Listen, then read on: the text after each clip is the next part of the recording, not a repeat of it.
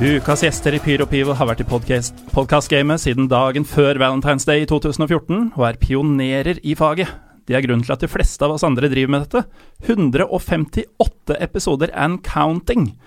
De har hatt hele Norge på besøk. Fotballfolk, filmfolk, politikerfolk, nye landsfolk, svenske folk, musikerfolk. Alle typer folk, utenom meg, kan det føles som.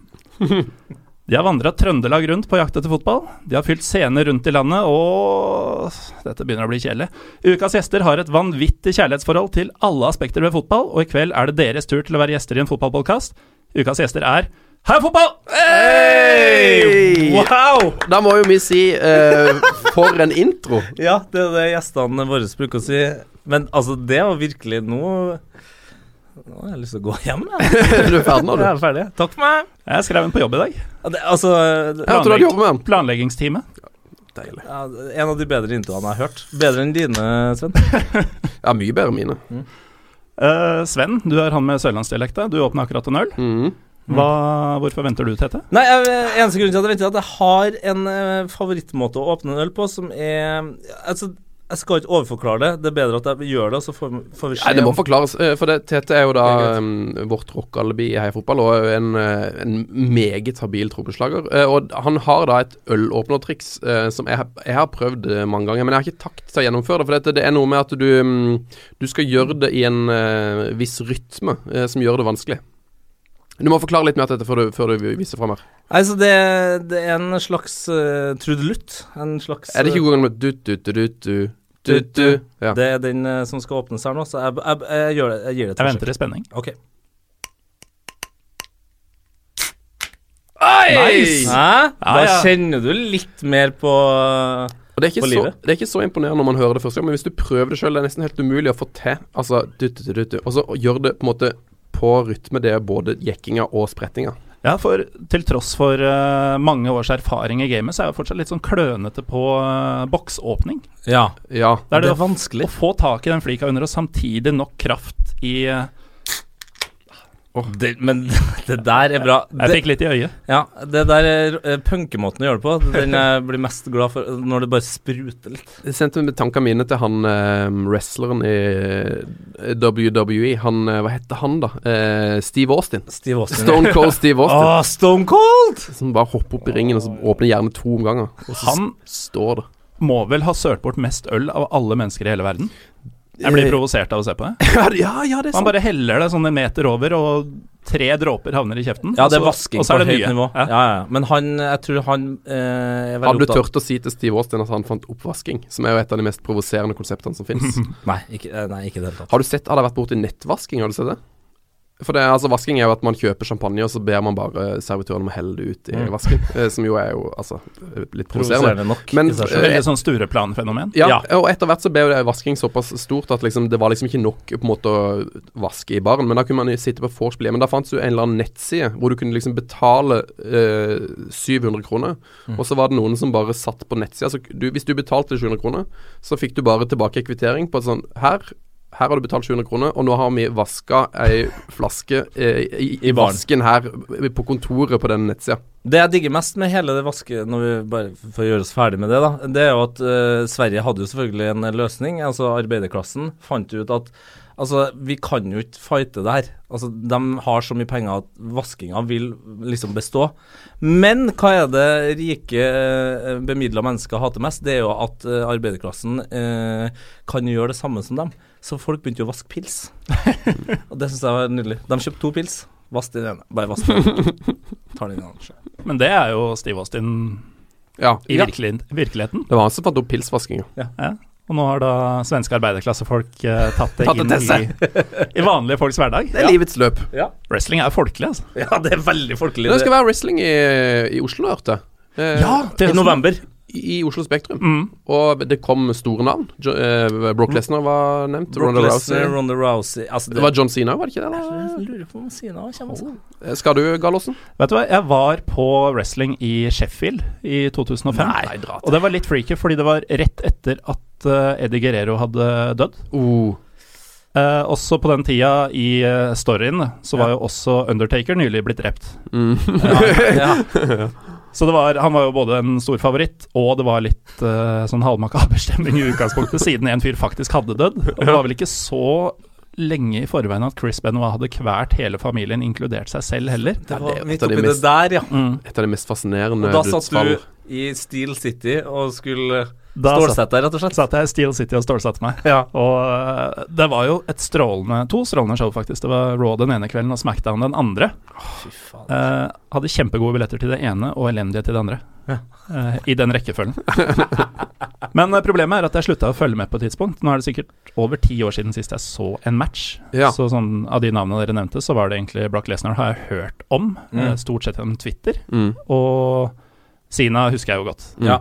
Nei, Brock Lesnar har verdens største overkropp. Altså, da, da jeg, jeg er jo kjent for å overdrive, men han har faktisk verdens største overkropp. ja, han har jo et grotesk utseende. Ja, Men jeg, jeg, det er lenge siden jeg har sett uh, fulgt med tett på, eh, på wrestling, altså. Ja, egentlig lenge siden jeg har fulgt med. Jeg falt av liksom etter eh, Og jeg, jeg, min favorittwrestler er faktisk CM Punk, eh, som jeg først hata, men som har jo en eh, Det finnes jo noen dokumentarer ute Elsker at det har blitt en wrestling-podkast. Ja, men sånn må det bare bli. Eh, men altså, CM Punk eh, elsker jeg veldig, veldig høyt. eh, Men han ble jo på en måte for stor for wrestling og forsvant ut. Og så har han jo nå forsvunnet over i UFC, som TT er veldig opptatt av. Ja. Uh, og der har det jo gått veldig dårlig. eh, Så det Nei, CM Punk. Men vi, vi trenger ikke snakke så mye wrestling, men uh, jeg vil bare få stadfeste det. Han falt gjennom når det ble ekte slåssing. Ja, det var det, så, det var Så veldig òg! Det er, også, det er så trist. Tenk deg å gå liksom fra å være verdens det, det er litt som at Ronaldo er sånn, han, Altså Cristiano Ronaldo Han er et fysisk eksemplar som selvfølgelig gjør seg i håndball. Ja. Og så viste det seg at han er verdens dårligste håndballspiller, liksom. Det, det var litt sånn det skjedde. Men uten å forklene, forklene seg til håndballspillere, selvfølgelig. For de som av en eller annen merkelig grunn skulle elske wrestling, så er jo egentlig det som eh, CM Punk er mest kjent for, at han var jo på en måte en fantastisk historieforteller. Eh, og han skrev jo TV-manus. Det var på en måte det som var hans store styrke. For han eh, Absolutt. De satsa jo aldri på han. Eh, og så til, til slutt så endte det bare på at han gikk til WWE. Så han, dere satser ikke på meg, for dere skjønner ikke hvor rå jeg er. Men her har jeg bare skrevet verdens beste TV. Sånn her skal vi gjøre CM Punk til en verdensstjerne. Let's go. Vær så god. Og så gjorde det, så ble han jo den største wrestleren noensinne, så det respekterer jeg. Ja, han var ikke spesielt god i ringen. Altså, han var ikke den mest akrobatiske eller mest underholdende å se på. nei, nei, nei, nei, han hadde bare en vill, eh, vill Story. story. som han hadde skapt. Og veldig god på én ting som altfor få fotballspillere skjønner. Altså Noen har skjønt det, f.eks. Materazzi. Eh, men det er da eh, spill skurken. For det er altså en Det er det veldig mange ja, wrestling men, som har forstått. ja, men, det er, men han, altså CM Punk, naila den skurk, mm. skurkerollen. Mm, mm. Det er da eh, wrestling blir interessant. Det er da fotball er interessant. Det er da all idrett er interessant, når skurken kommer inn. Liten brannfakkel. Zidane og Buffon fant ut det akkurat for seint. Jeg har prøvd det der med Zidane lenge, får uh, veldig motstand. Men uh, Zidane uh, fant ut ganske lenge, men han var så god at folk ikke så det. Ja, det er faktisk sant. Ja, og det, nå er det nesten litt den eh, følelsen man sitter med med, Buffon nå, er at eh, han har jo sagt og gjort en del rare ting, men han har vært så koselig. Han synger den italienske nasjonalsangen av full hals. Altså det er litt sånn Men etter den eh, Champions League-kampen sist her, så. Det kom jo noen påminnelser om fortiden hans uh, også. Ja. Uh, denne 88-drakta som han aldri helt uh, bortforklarte, f.eks. Nettopp. Han er nok ikke verdens beste fyr. Ja, men jeg, jeg syns egentlig han Altså, til tross for at han fikk det røde kortet Jeg syns på en måte han kom ganske godt ut av det. Var- Jeg vet det er mange som reagerte på det der med at han sa at dommeren hadde et eh, En søppelbøtte. som hjerte og sånn. Ja. Og at han på en måte òg kanskje var litt, litt ydmyk med tanke på at det har vært uh, dommeravgjørelser som har gått begge veier i fotballhistorien, og osv. Men jeg følte allikevel at det, det var jo på en måte eh, en av de beste måtene han kunne gått ut på, med at det er veldig mange som sitter igjen med et inntrykk at han ble eh, frarøva finalen. Eh, men de Har du vært i Italia det siste Ja, ja. Men de var jo, de, de var jo på vei eh, Altså det, det, det var jo et straffevei, mener jo veldig mange. Eh, og han klarte å klønne til, så han dreit seg jo egentlig litt ut der. Men allikevel så, så står han igjen med å bli sammenligna med Zidane, som jo er jo en av de største i fotballhistorien. Så jeg, jeg synes, jeg mener Buffon kom godt ut av det der allikevel til slutt. Utrolig nok. Du om det? Er Galåsen et ekte navn, eller? jeg synes det er så bra navn. Jeg liker, eh, Sven, at eh, det var jo i størst grad eh, vi to som korresponderte i forkant av denne episoden om hva vi skulle snakke om og sånn. Og, og, og det var nevnt at det godt kunne bli en del avstikkere. Ja. Nå har vi passert ti minutter, og vi har nevnt to fotballspillere. Ja. Uh, og nå er vi over på navnet mitt. Men uh, ja, Galåsen er Det kommer fra et sted? i Trysil oh, yes. med oh. samme navn. Eh, Jeg uttaler mitt eget navn feil. Det er nemlig Gardåsen. Fordi det er en Ja. ås med mange bondegårder i, så det var i utgangspunktet Garåsen. Men i Trysil sier de Gard. Vi kjenner jo ei som heter Garås. Mari Garås Monsson. Ja. Ja. Wow. Jeg kan ikke si jeg gjør det samme. Nei, Men men... hvorfor spør du, Sven Sunde? Nei, eh, for det er at um, Jeg heter jo Sven Sunde, eh, og Sunde er et lite sted um, oppe i Mandalen. Jeg skal bare skyte inn én ting til. Ja. Nybergsund ligger jo rett ved Gallåsen, Ja. og laget der kalles jo Sunde. Ja, eh, og det har jeg faktisk eh, Jeg har eh, Jeg følg, Jeg begynte å følge Marius Skjelbæk eh, på Altså han TV Marius. 2-journalisten. Eh, Fotballekstra-Marius. Jeg begynte å følge han på Snapchat, for jeg hadde hørt at han var veldig morsom der. For han er, noe sånn fantastisk Han er veldig god til å parodiere, bl.a. Per-Mathias Høgmo. Han er mye god parodie. Så, så det var noen som sa du, må, du er nødt til å følge eh, Skjelbæk på Snapchat. Så begynte jeg å eh, følge han, og så gikk det kanskje en dag, og så fikk jeg plutselig en eh, snap fra han. Så bare sånn Hvem der? Og så bare Ja, nei, det, det er Sven Sund. eh, jobber i NRK. Jeg har bare fått tips om at du er veldig gøy å følge. Og så sier han Ah, riktig, riktig. Nå la jeg sammen to og to. Jeg trodde først at det var noen fra Nybergsund. For det var, du står jo Sven Sund, er jo mitt brukernavn. Ja. Så han tenkte at det var en eller annen Sven i Sundet. Altså klubben I Sundet. klubben Sunne, selvfølgelig. Eh, så eh, han bare sånn Jeg tror han har sikkert Han er jo fra Hedmarken eller annet sted. Ja, fra han, har, han har sikkert litt koll på Nybergsund, så han tenkte sikkert sånn Hm, her er det en fyr fra Sundet eh, som kaller en Sven i Sundet, hvem kan det være? Så han, han ville liksom spore opp eh, fotballhistorikken her, da. Eh, så viste det at det var jo bare da en eller annen eh, løk fra Sørlandet. Eh, fra Sundet i Mandalen. Men eh, tilbake til Galåsen. Eh, for jeg har jo egentlig et Jeg heter jo egentlig Jeg har jo egentlig et Åsen-navn òg, som har kommet igjen, igjen fram nå gjennom noe slektsforskning. Eh, for dette eh, Sunne kommer da fra en liten gård som heter Sunne, som ligger langs Mandalselva, oppe et sted som heter Bjelland. Som er Jeg visste at den podkasten her var smal, men at den skulle være så smal Ja, det er meget smal. Men eh, så fant vi ut at uh, Sunde-slekta, den, eh, de er jo fra Sunne. Men liksom min, min uh, forgreining av Sunde-slekta, den kommer egentlig fra en gård uh, som ligger sånn to kilometer unna Sundegården. Mm. Og den gården, som vi da egentlig vi skulle tatt navnet for, fra, som de sikkert da valgte ikke gjøre, for dette det er et liksom dumt navn, den gården heta Fleskåsen. så jeg skulle egentlig hete Fleskåsen. Så når, jeg, når du da heter Galåsen, så tenker jeg sånn Nå er vi, vi er litt på lag. For det var Galåsen og Fleskåsen. For et crew vi kunne vært. ja! Det er det ingen tvil om. Ja, eh, da har vi ikke snakka om mitt navn. Det, det er vel bare å si at jeg het- heter litt bom, og jeg får eh, mange eh, Facebook-meldinger. eh, Når når snøen begynner- faller, Ja, ja. når snøen faller. Når er det pleier du Ja, i Trondheim så er det jo det ofte tidlig, ja, tidlig oktober. Mm. Første sn- snøføyken.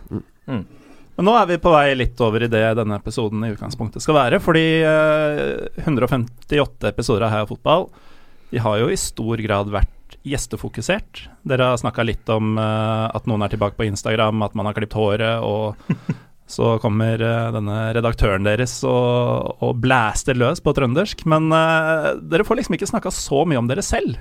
Så i dag så tenkte jeg at, uh, og det kjenner meg igjen i fra et programlederperspektiv, at man får ikke sagt så mye av det man selv ønsker, sine historier og sånn. Ikke sant? Det er derfor vi i dagens sending kommer til å handle mest om det. Vi kommer til å stille masse ja, har, nå har vi brukt et kvarter på det vi er interessert i å snakke om. Så vi snakker om det.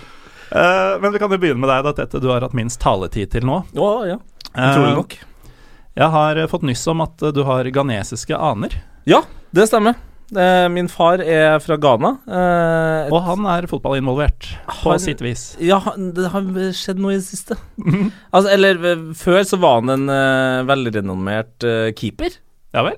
Og ekstremt opptatt av at jeg som uh, da afrikansk sønn skulle viderebringe den arven og gjøre det til noe større enn det han fikk til uh, sjøl. men det var jo et helvete å, å stå i mål. Altså, jeg respekterer keepere. Det er vondt. Ja, det er vondt, det er kjedelig, det er langtekkelig.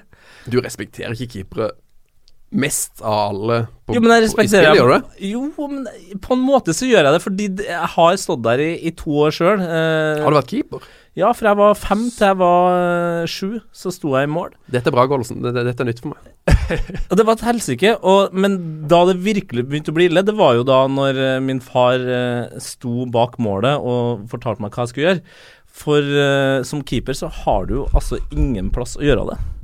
Nei. Altså, har du en litt ivrig forelder, så står jo Står de jo der. Hele forbanna kampen. Og det er jo så Og det er liksom det siste du trenger når du er keeper, er at noen forteller deg hva du skal gjøre, Fordi det, det kan jo bare plutselig skje. Så jeg kom meg heldigvis ut på banen. Men uansett, han har blitt nå veldig interessert uh, i at jeg og han skal starte uh, et agentfirma. Ja vel? Uh, av den enkle grunn at det er jo masse fotballtalenter fra, fra Ghana. og han har jo selvfølgelig kontakter der. Eh, han har jo tidligere vært eh, på en måte en litt sånn eh, eh, reservepappa for eh, et par av ganeserne som har vært innom Rosenborg. Jeg vet ikke om folk husker Robert Boateng. Eh, Jeg husker Robert Boateng. Du husker han, ja? Han skulle jo frelse norsk fotball. Han, han kom inn i en treningskamp og debuterte i en Norway Cup-treningskamp. Mot. Santos. Absolutt, Ja. absolutt mot Santos. Herja. Ja, herja. Og siden så ingen noen til han. Nei, en Robert som Ja, Teter de så eh, mye til. kaller Ja, vi så, vi så mye til han. Spilte vel et eh, Jeg tror kanskje han kom seg opp i seks kamper, altså. Men det er ikke full tid og den pakke. Men eh, eh, Så han har vært eh, hjem til en del ganger, da. Mm. Fyr uten eh, spesielt mye interesser eller kunnskap om noe annet enn det å leve, egentlig. Så vidt det var. Så vidt. Ja, og det husker jeg pappa syntes var frustrerende, men eh, likevel da, så har han da 20 år etterpå funnet at eh, nå skal far og sønn eh, endelig jobbe sammen. Mm. Så vi får se, da. Eh, jeg har noen prospekter som jeg nå skal sjekke opp i løpet av de neste to ukene. Altså, det er veldig rart å snakke om eh, at jeg kanskje skal holde på med det her, men det, det er jo interessant. Og jeg har jo vært i Ghana sjøl, og det er jo Det er liksom der har skjedd det mest fascinerende innenfor fotball. Altså Mm. det, det artigste og det, og det sykeste. Rumpeheading. Rumpeheading, f.eks. Unnskyld? Altså en helt vanlig avslutning i ghanesisk strandfotball og løkkefotball er rumpeheadinga. Afrikanere har jo stort sett, eh, så lenge det ikke er liksom kenyanere eller eh, dem litt eh, lenger nord for, for ekvator, så har man jo en god eksplosivitet. Og det er jo kjedelig å heade. Det er, litt, Det- det er vondt, det òg. Det, det er vondt, og det er litt sånn Ja, det er litt kjedelig. Altså, det er et eller annet med heading som er litt sånn I hvert fall i Ghana, da. Eh, Men de har såpass bra spenst at det er veldig vanlig at uh, de legger inn litt lavere enn vanlig, spesielt på corner. Og så hopper man og tar en halvpiruett eh, og skyter ræva ut. og dunker den inn med, med skinka, liksom. Og dette får de til. De får det til som bare fy, liksom. Altså, det, er det, det ser ikke morsomt ut. Det er det det sykeste. Mm. Det, ser ikke det ser effektivt ut. Altså, det, det er ikke noe gøy når det kommer til stykket. Nei, det er ikke noe gøy. Det er bare wow! Det er litt sånn eh, Jeg er overraska over at jeg ikke har f.eks. sett Mané gjort det. For, altså, han har kroppen til å gjøre det. Han kunne ha lett ha gjort det. Og det, se for deg bare det gliset etterpå. Mm. Blinke til Salah og bare sånn Salah, ja, du er nok en av verdens beste fotballspillere, men det Rumpeheading. Det, Det det, det gjør vi i Senegal og Ghana og i Nigeria. Det, og Elfenbenskysten. Men hvor mye kraft i et håper å si, spark eller en heading eller rævballing Ja, rævballing kan, kan en sprettrumpe fra Afrika generere? Ha- altså, Akkurat så hardt som en vanlig heading. Og kanskje hardere. Som et langskudd fra Paul Scholes, liksom. Er, vi, Nei, vet nok vet ikke Paul Scholes er, det en Kolarov-nivå, head, er det mer en heading fra Peter Crouch? Er det, Ja, men det er litt mer sånn Du, du husker liksom eh, når du ser gamle eh, eh, tippeligaskåringer eh, fra 90-tallet på YouTube, så blir du blir litt skuffa over at Tom Skåre Nei, Tom Skåre Staurvik, som jeg nå kaller han, da. Tom eh, Kåre Staurvik, eller Dennis Schiller for den saks skyld, sine langskudd, de ser ikke så harde ut. Det er litt den krafta. Mm. Det er litt sånn at Du ser at den er tung, men den går ikke så veldig fort. Men Tom Gulbrandsen sitt mot Rosenborg, det går så fort i dag som har- det gjorde det. han som feirer sånn, ikke? Jo. Ja, du, nå tok eh, han bukkehornene opp her, Ja. for dem som ikke så det. Jeg driver med litt tegn til tale i dagligjobben, og det du gjorde nå, var eh, tegnet for ku. Ja, det er en ku, ja. Så ja, så kanskje en bukkeku. Kan du da eh, av- eller bekrefte eh, at det her er traktor? Det er, kan jeg bekrefte. Det er traktor? Ja, Å, det ser, men det så ut som, trakt, det så ut som traktorhjul. ja det er nettopp derfor. Ja, så gøy. Eh, Hva er fotball på Vi- vi- tegnspråk? vi, Dette blir veldig dårlig radio, men det er jo gøy for oss. Ja, det er eh, sånn her, faktisk. Å ja, å ja, det er litt sånn Hva heter det spillet der? Vi, Eh, vi skulle kanskje hatt uh, kameraer. Ja, akkurat som et kamera. Det er helt Men, men Sven har jobba i radio lenge, han kan jo egentlig skissere bilder. Ja, men hva heter det der brett, eh, brettspillet? Uh, brett, Stiga-greiene. ja, brett, nei, det er Nei. Brettfotballspillet. hvor du har sånne små brikker som du dytter rundt på, og som du knipser. Å nei, men i alle dager, nå har jeg glemt det. Altså, det jeg har lyst til å si Fuego, men eh, det er ikke langt unna det. De som du kjøper på de Tiger-butikkene. Ja, det er Det er de gamle italien, de sånne italienske spillene du har sånn det er sånn, Lars fra Jossimar elsker det spillet her, Mhm, og han mm -hmm. uh, sitter sikkert nå og hører på og blir forbanna. Det heter et eller annet Det heter liksom ikke Cupertino, for det er en by i, i California, men det liksom heter noe i den gata. Jeg er ganske sikker på at Lars fra Jossimar er forbanna nå. Det er ikke sikkert han hører på. Han er lynforbanna. Ja, men han er Nei, vi skal komme på hva det heter. Nei, men altså, det er, Tegnet for fotball er det altså å lage strek med en strekmennbein med to fingre, Ja. og så gå Spark Gjerne, mot gjerne et mål. Ja. ja, mot målet. Mm. Ja. Kjempefint. Ja. Ja.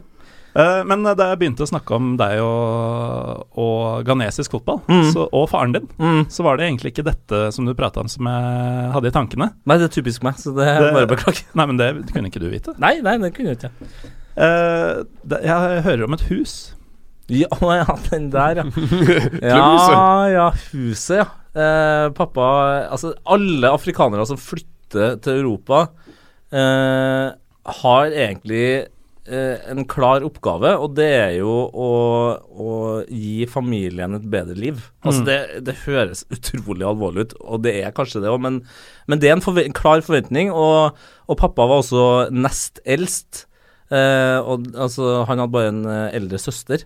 Så han var liksom eh, the man of the house, og faren var død, og, pappa var liksom akademiker og studere og alt sånt der, og fikk klart i oppdrag, og her må det leveres også penger, og da hus.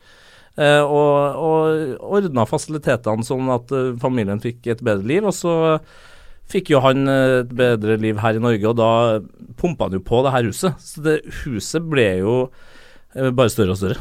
Altså det begynte jo å bli eh, veldig stort, fordi i Ghana så tar ting tid.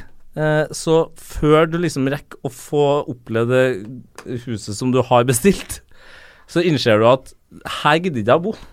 det har allerede blitt utdatert nå, det liksom I, ja, det er akkurat det. Så da bygde han Altså, han bygde et helt vanlig eh, eh, hus på, eh, på bakken, liksom. Én etasje, fire soverom, god stemning.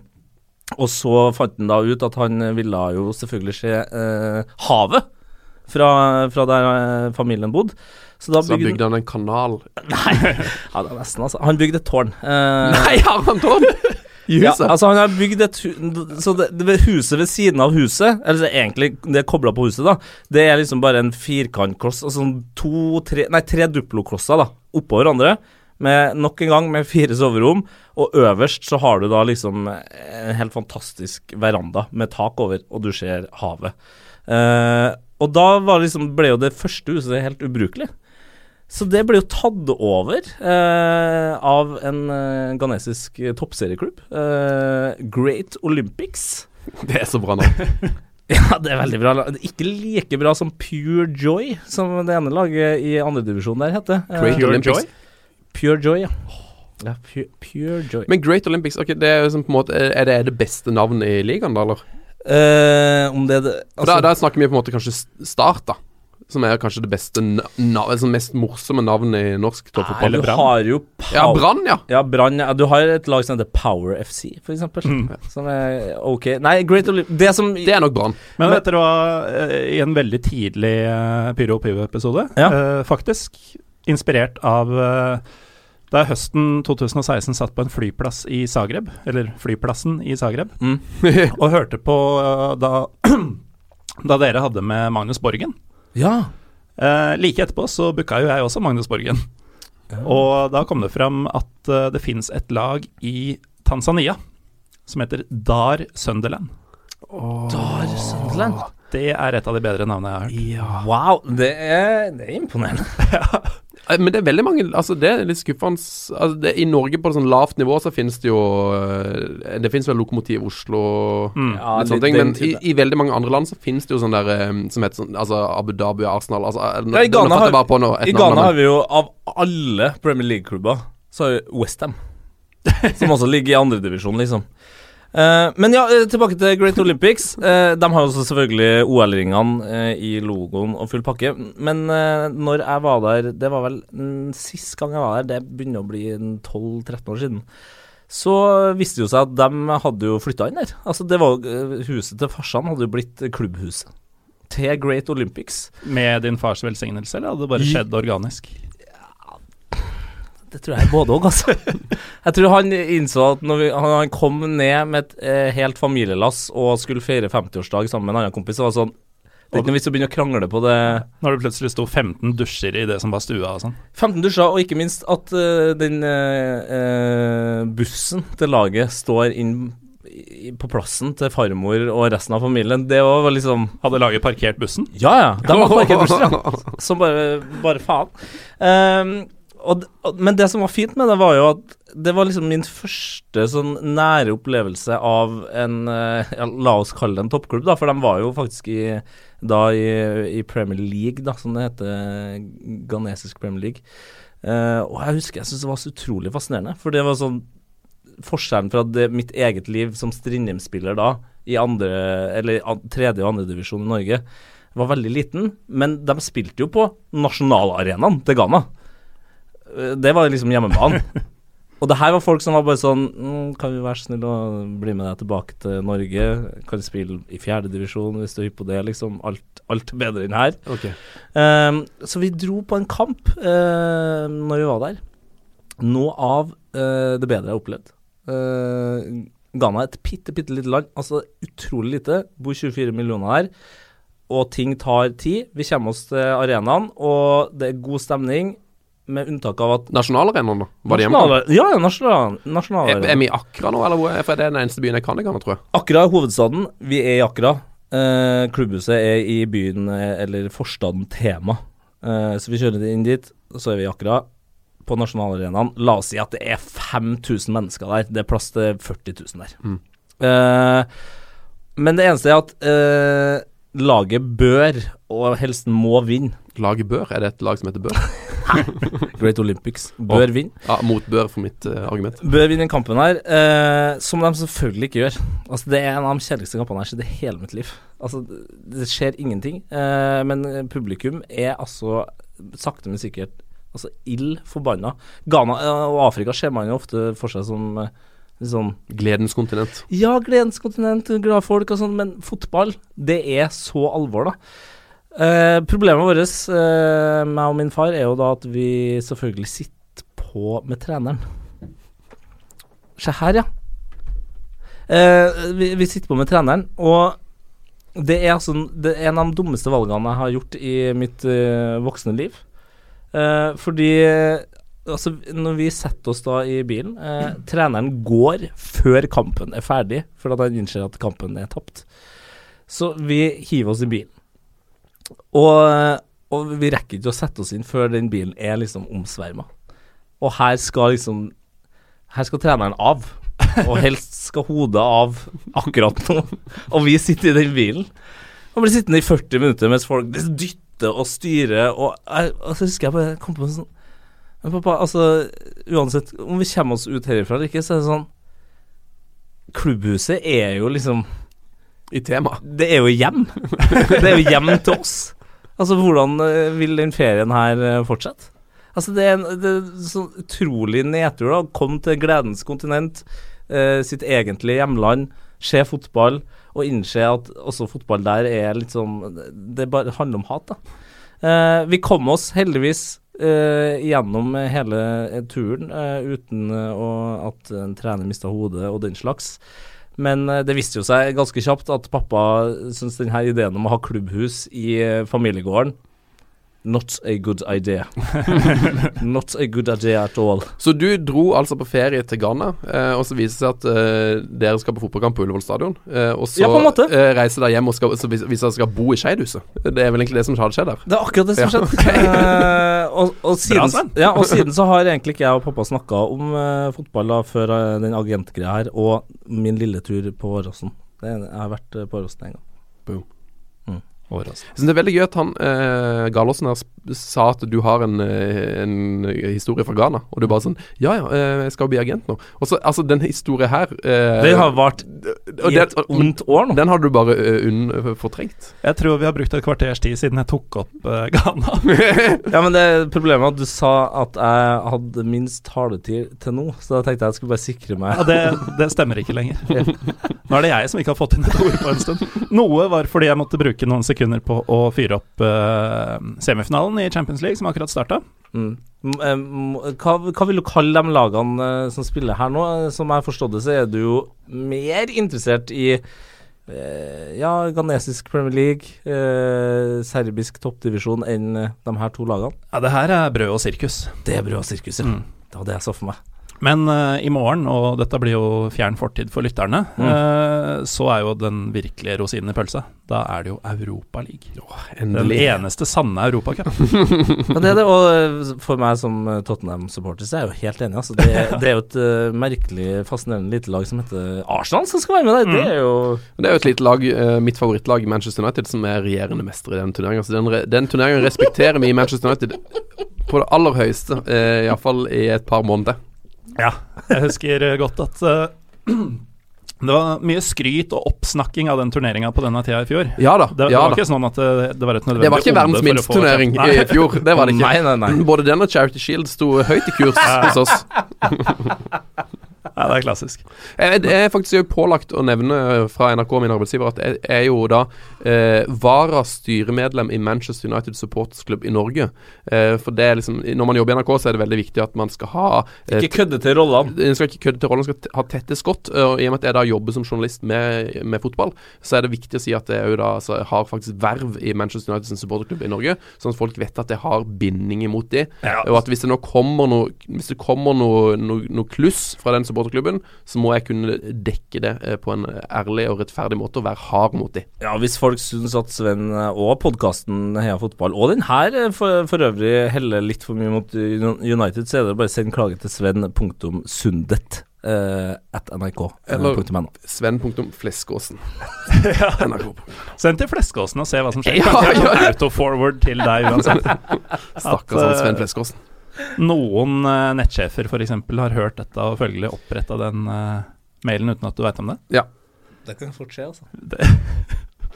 det- Jeg tipper at noen rundt bordet her har muligheten til å få det til å skje. Ja. Ja, nei. Vi får se, da. Får se. Hvem som sitter her. Men Sven, over til noe uh, helt annet og samtidig det samme. Mm. Eller, ja, siden du har nevnt United, så kan vi jo ta det. Du har møtt han som vant ting med United, du. Sir Alex, ja. Mm. Det er jo kanskje min mest ekstreme uh, fotballhistorie og fotballopplevelse noensinne. Det tror jeg på. Um, Det er jo fotballhistorien overalt. Altså, det er jo, det er jo sånn man blir fotballfan for alltid. Ja. Uh, jeg har, man vil jo skjønne at jeg har på en måte ikke så mye valg uh, enn å elske spesielt uh, sir Alex Ferguson, og jo selvfølgelig da Manchester United. Eh, fikk julegave i 1995, tur til England. Eh, vi sjekka inn på hotell i Manchester. Eh, og så når vi da på dette hotellet Det var gjennom supporterklubben. Sånn klassisk sånn supportertur. Eh, mye barn familie og sånn. Eh, men på det hotellet som vi var booka inn på, der var det Altså de to første etasjene var, eh, var booka inn av Manchester United. For de, de hadde noen sånn talentleir. Så dette alle talentene eh, i Irland, Wales, England og Skottland, de var på en måte samla i Manchester for å være på noe sånn slags eh, prøvespill, da. Ja. Så det var sikkert 80, kanskje 100 kids som var der for å vise seg fram for Manchester United, og så skulle de da Noen av de kommer da antakeligvis ende opp med å få kontrakt. Hvor mange var det der? Hundrevis? Tusenvis? Hva blir det? Hundrevis, ja, hundrevis, kanskje. Det var en hel... Så det blir sånn Finn George Best, eh, sånn Where's Waldo? Ja, litt sånn. Det var sånn det, det, eh, For alt jeg vet, så kan jo eh, altså, Sønnen til Steve Bruce var jo Han ble jo et talent. Han var vel blant disse. Så det er den generasjonen der, da. Mm. Men de var jo da Speiderne og trenerne De bodde jo på hotellet for å passe på disse guttene. De var jo bare 13-14-15 år.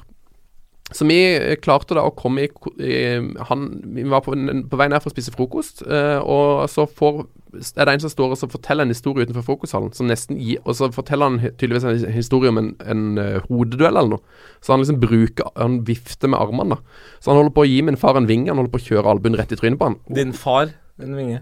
Ja. Eh, og da, mm, da kom jo pappa da i snakk med han her eh, talentspeideren fra Manchester United. Og han er jo da Han er bare sånn Å, beklager, beklager. Det var virkelig ikke meninga å nesten uh, albue deg rett i fjeset. Uh, nei, nei, det går helt greit. Ja, ja, eh, men eh, er dere, hvorfor er dere i Manchester? Nei, min sønn er stor fan, liksom. Å, ja, men da har jeg en gave til din sønn for at jeg gjorde dette mot det.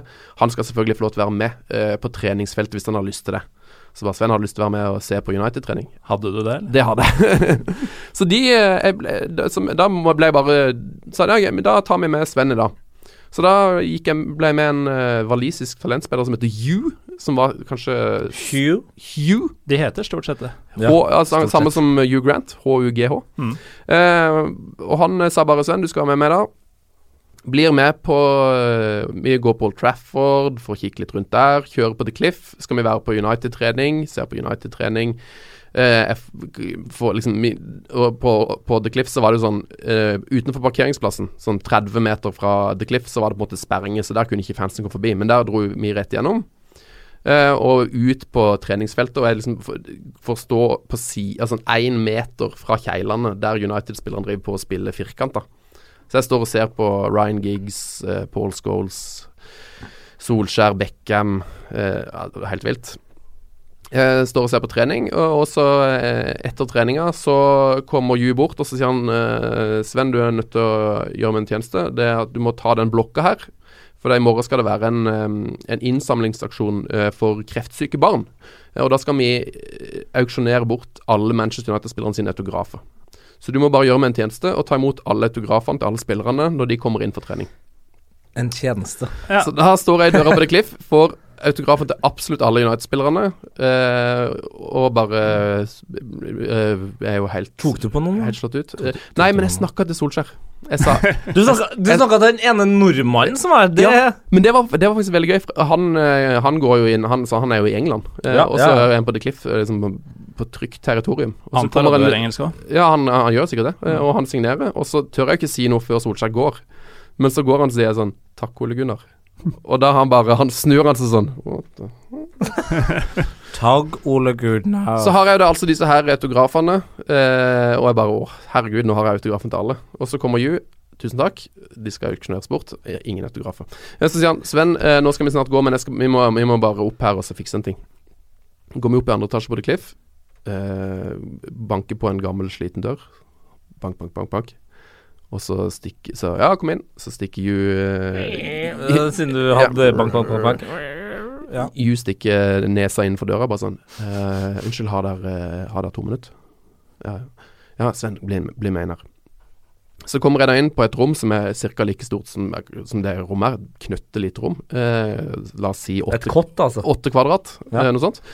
Det, Eh, og, det er så typisk dere sånn statskanalsansatte og rakke ned på studioet vårt. Da. Nei, det, det, ja, men det, det, virker, det er ikke en, en Altså, ja I forhold Altså, med tanke på kvadratmeter, så er det nedrakking, men det skjer bedre enn nesten alle studiene vi har. ja, NRK sin studio er jo ikke pussa opp siden 1960. Det er noe med den røde fløyelen som uh... Ja, ja, Ja, ja uansett, Jeg kommer inn på dette rommet, og der står det da to mennesker. Nei, Var det rød fløyel der, ja? jeg- eh, Nei. Det burde det ha vært.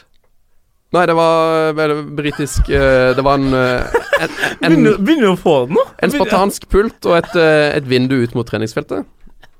Eh, men der står det to folk, en jeg ikke vet hvem er, Ja. eh, som står og snakker med en fyr som jeg vet hvem er, som da er sir Alex Ferguson. Og han sto i slåbrok. Han sto i slåbrok.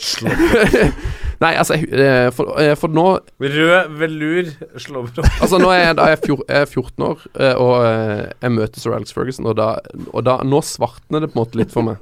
Jeg husker ikke så veldig med hva som skjedde. Mm. Men da tok han meg altså inn og bare sa liksom You, da. eh, Alex, du er nødt til å hilse på Sven. Han har reist helt fra Norge for å se Manchester United spille. Så håndhilser jeg på sir Alex Ferguson. eh, og det eneste jeg egentlig husker, er at eh, jeg hadde på en måte en eller annen sånn der barnelærdom at det er veldig uhøflig å gå med lue inne, men da gikk med lue inne. Så jeg, liksom, men jeg reiv av meg den lua. Og håndhilste på sir Alex, og så tror jeg, jeg kan ikke tro jeg sa noe som helst. Jeg bare sto med store øyne og, og, og, og, og tok mannen i hånda. Du har tatt på Fergie, liksom. Ja, håndhils på sir Alex. Eh, så, og så, så dro vi hjem. Ja. Og det er nå jeg innser hvorfor eh, vi alltid har gjester i, i, i våre program. For altså, nå har jeg, brukt et kvarter på en helt grei historie fra Ghana, Mhm. mens uh, Sven sitt eh, nydelige øyeblikk med Sir Alex Ferguson eh, da Tok et par minutter.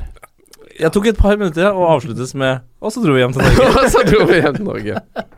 Men det var, det var rått. eh, Og, um, og liksom egentlig sånn For nå er det jo så mye Vi har jo hatt eh, Øyvind Alsaker og mye sånn Premier League, eh, Kasper Wikestad Disse her Nei, Premier League-folkene til TV 2 som gjester i fotball. Og det er jo, De Mm. snakker veldig om at engelsk fotball har forandret seg veldig med at fansen blir jo mye mer sånn distansert fra Ja. klubbene. og Det er liksom mye vanskeligere å få tilgang. Eh, så det var egentlig sånn eh, veldig godt bilde på hvordan Manchester United var på den tida der. da At det var litt sånn eh, Selvfølgelig, det var gjerde, og fansen var utenfor, men allikevel så tok de inn folk eh, En 14 år gammel kid fra Norge for å liksom hilse på Sir, Ja. Sir Alex. Eh, jeg synes det var litt sånn Det viste at det var, en, eh, det var en fin klubb, da. Du skal ha større problemer enn å være født og oppvokst i Mandal for å få lov til å hilse på Mourinho, på en måte. Altså, det Å, ja.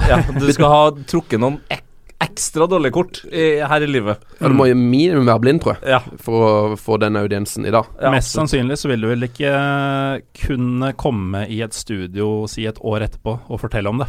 Hvis, Nei, du, hvis du får det muligheten. der syns jeg du er god. Der Mm. syns jeg du er veldig god, faktisk. Men apropos treninger, jeg eh, studerte en sommer i Istanbul. Og eh, mitt tyrkiske favorittlag, som jeg naturligvis har, Selvfølgelig har er, du eh, er Fenerbahçe. Og dette var jo utenfor sesong, men eh, hver sommer i offseason så har de én trening på treningsfeltet sitt som ligger en sånn tre-fire timer med buss unna Istanbul. Mm. Dritlangt. Skikkelig sånn dagstur blir det. Uh, og den er åpen, da. Ok. Uh, og den ble jeg med noen supportere på denne julimorgenen Mm. uh, tilbake i 2012. Og det begynner å hølje ned, og det er, det er som en festival, nærmest. Altså, jeg, har, jeg har vært mange år på Roskilde, jeg er vant til gjørme og at folk går i baris selv om det plasker ned, og folk er ganske drita og sånn. Uh, og, og så etter hvert så dukker jo Fenerbahçe opp og begynner å trene, og det er gjerder for så vidt, men det er sånne derre Sånne gjerder du har i hagen, liksom. De der gittergjer- Stakittgjerde, de der liksom. gittergjerdene som Og sånne, ja, ja, ja, sånn ja. ståltrådgjerder som er uh, kanskje 1,20 over bakken. Så det er ikke noe beskyttelse i det hele tatt. Eh, og noen deler av den treningsbanen har ikke det engang. Og det er tusenvis av tyrkiske fotballfans der. Jeg elsker at eh, du, sier, du påpeker at noen deler av treningsbanen ikke har det. Så det, likevel, selv om noen liksom har funnet at her er det faktisk mulig å gå rundt, så står det andre og stanger. Nei, nei, det sto folk, sto folk rundt hele greia. Akkurat altså- der jeg sto av en Ja, eller annen grunn. Eh, bak det ene målet. Eh, der var det gjerde. Men det kunne vi bare gå rundt. Da. Det var to meter til høyre, og så Ja, var du på cornerflagget. Men uh, i hvert fall så får de trene i kanskje 10-12 minutter. Mm. Uh, masse rop, masse byro, uh, masse drita folk i baris. Klissvåte. Mm. Og så, etter si maks et kvarter, da, så er banen storma. Og ikke bare det, men uh, flere av spillerne er jo halvnakne, fordi folk river av Ja, dem både de- shortser og drakter og alt mulig. Dette er deres ene mulighet i året til å komme tett på gutta sine. Mm. For de er jo fullstendig avskjerma fra resten av samfunnet. Åh, det, var det Nei, det her er Juventus har jo den uh... Nei, men Juventus 1, for de har vunnet så mye my- my- mye Scudettos i det siste. Men jeg, jeg bare lurer på om det, det har sikkert skjedd i begge, men var det når Roma eller var det når Lazio vant? Ja, når alle vinner Scudettoen, så er det jo kle av. Så Ja. Lazio Det finnes jo noen fantastiske bilder av Veron og Casano og Ja, Totti jo, og alle det, gutta. det Uten er, klær. ja, det er Casano, vet du. Altså, en En av Altså, han er absolutt ikke en av eh, verdens vakreste menn, men altså, fra liksom navl og ned til knær i hvit truse, så er det få menn, altså, som gjør seg så bra. Altså ekstremt velproporsjonerte lår i forhold til den nederste delen av eh, sixpacken. Altså, jeg husker, det her er så brent inn i minnet mitt. Eh, Av jeg alle satt og ting. så den kampen. Ja, det, altså det, og det er liksom Det, det er liksom verken eh, seksuelt eller eh, liksom fotballmessig euforisk, men det er bare Det sitter så forbanna fast. Det er en av de siste tingene jeg kommer til å se når jeg dør. Det er liksom Det er vel. 20 cm ganger 4 eh, område av eh, Casano Mhm. i truse. Hvit, våt truse. Nydelig. Nå vet jeg ikke helt hva jeg skal si. Jeg, det, men kan, altså, det, det som du sier om at ja, de om banen For det, det, den her Netflix-serien som går om Juventus nå, som jo er litt sånn eh, Den er jo på en måte litt sånn velregi- velregissert og pompøs, men der er det jo et, eh, en eh, veldig sånn fin supportertradisjon som de òg har. For det Juventus spiller jo en eller annen sånn treningskamp hver preseason mot et lokalt uh, lag, la oss si på nivå fem. Mm. Og den kampen har en sånn tradisjon der etter sånn Den kampen blir alltid storma, da. Og det kan skje etter Den blir aldri ferdig. vi er aldri ferdigspilt, så det kan skje etter 20 minutter eller etter 80 minutter, men det, uansett, alltid så er det bare på et eller annet tidspunkt så bare sier fansen sånn Nei, nå! Nå er det nok. Og så bare, ja, så bare stormer de hele banen. Og så Da er det jo å få sko og leggbeskyttere og svettebånd og det som er. Ja. Eh, Få med seg noen suvenirer. Jeg lurer på eh, Det er jo alltid én spiller i garderoben som har eh, legebeskyttere som lukter popkorn. Så jeg lurer på hvilken eh, United Nei, Juventus-spiller som har Mm. Og det, er Mar det tror jeg kanskje er Markisio. Ja, for det var første tenkt! Han er sånn veldig eh, vel Rødvin eh, og eh, popkorn lukter Markisio sine. Nesten garantert. Altså. Garantert ikke Kieline sine. De tror jeg lukter mer eh, Altså noe sånn slags verksted Sånn. eller noe sånt. Sånn lukter det. Ja, kanskje sånn. Ja. Ja. Mm. Tegn til tale-podkasten Pyro og Pivo. ja. Eh, Popkorn, var det det du sa leggskinna til noen alltid lukter? Eh, Erik Malmo, eh, tidligere lagkamerat av Legenden. meg eh, i Strindheim, men også Ranheim, tidligere Ranheim-spiller. Fantastisk eh, midtbanespiller som ung. Eh, eh, arbeid som venstreback eh, som voksen. Spør hvilken som helst Ranheim-spiller som har spilt der de siste fem-seks årene. Det er, det er 100 på Det er ikke sånn at det ligner på popkorn. Det er rett av etter er sånn trening. Det er kino, re- kinopopkorn, ja, liksom. det er rett av etter trening, kinopopkorn, for du får den derre Den varmen. Mm. Og så er det bare sånn Å, fy faen. Å, bare få satt på den jævla Star Wars-filmen nå, så er det liksom i gang. Altså, det er 100 popkorn. Noe av det sykeste jeg har lukta i hele mitt liv. Da jeg hadde flytta hjemmefra i mine ti min tidlige uh, kollektivkarriere, mm. Så- Flytta Du hadde en inn en karriere? buss, eller? Altså? Du flytta du inn i en buss? Altså, kanskje eh, altså nå, er det, nå tenkte jeg kollektivtransport. Var det sånn at du da flytta Ja, inn i på jeg- eller? Jeg brukte ikke Ja, du flyttet inn i- transportsufikset. ja, Det, ja. Dette var da en leilighet som var Mm. delt med andre, som i et kollektiv. Mm. Uh, Hvor mange soverom? Det var fire soverom Ja, og fire boende. Mm. Men det var kun to toaletter, så disse gikk jo på deling. Mm. Og to på fire er ikke så verst. Nei, det er bra. Men én av de som bodde der, var kvinnelig.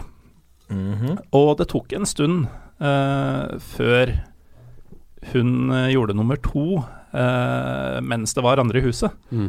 Og måten det ble avslørt at hun noensinne gjorde nummer to Nå er jeg spent. Det var at eh, vi, vi satt og så på et eller annet på TV, og så hadde hun gått på do først. Eh, og så gikk jeg neste. Og da jeg åpna døra inn der, som var fortsatt innenfor eh, eh, airshot på engelsk, altså hørevidde, eller hva man kaller det, Ja, ja. eh, så bare spør jeg litt sånn retorisk ut i gangen Lukter det popkorn her? og da måtte hun krype til korset og si at nei, jeg dreit. Men altså, det er jo Hun burde ha gjort det eh, dag én. Altså, det hadde jo vært Poppa tid- popkorn på do, og så Nei, men det hadde vært tidenes partytriks, ser jeg for meg, i de kollektivene jeg bodde i. hvert fall så hadde det vært sånn Folk hadde jo vært helt sykt fornøyd med Altså, hun vi bor med. Altså, når hun driter, så lukter det popkorn, liksom. Det er helt konge. Ja, ikke minst for en lettelse for alle oss andre at uh, nå er det fri driting, for nå veit alle at alle gjør det. Ja. Fri driting. Det er konge. Fri driting. Apropos fri driting, Sven. Mm. Uh, du sendte meg en liste over uh, steder du har sett fotball. Mm. Noen deler vi. Noen er ganske eksotiske, noen er ganske standard. Jeg registrerer at Israel er på både din og min liste, Ja. og det syns jeg var veldig spesielt. å overvære et par matcher der i fjor. ja, jeg syns òg det var spesielt. Hva, si. hva gjorde du i Israel? Vi var på jobbtur, av alle ting. Dere Eh, to, eller? Nei, eh, jeg, jeg jobba i et program som heter Verdens rikeste land, eh, som Ja. var sånn samfunnsmagasin. Ja. Der var det ikke plass til folk fra Ghana, så det, jeg var ikke med.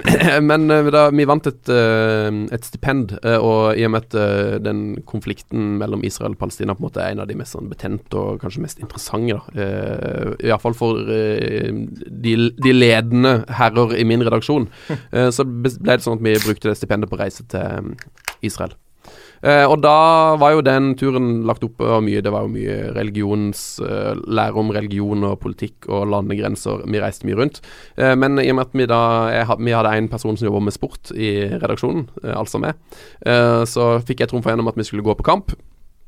Eh, og det ble nesten litt over halvparten av redaksjonen med på de. Var noen som ikke gadd, for det, fotball er altså så uinteressant for dem. Men vi var tre stykker som dro på kamp. Og så da eh, det, altså det minst oppheta eh, derbyet Nå husker jeg nesten ikke engang hvilket av de det var. For det var jo altså da Hvilken by var det? ja, nei, det var i, eh, Vi var i, nede i Jaffa, men altså det var da eh, Var det eh, Happol Tel Aviv mot eh, Happol Haifa, tror jeg.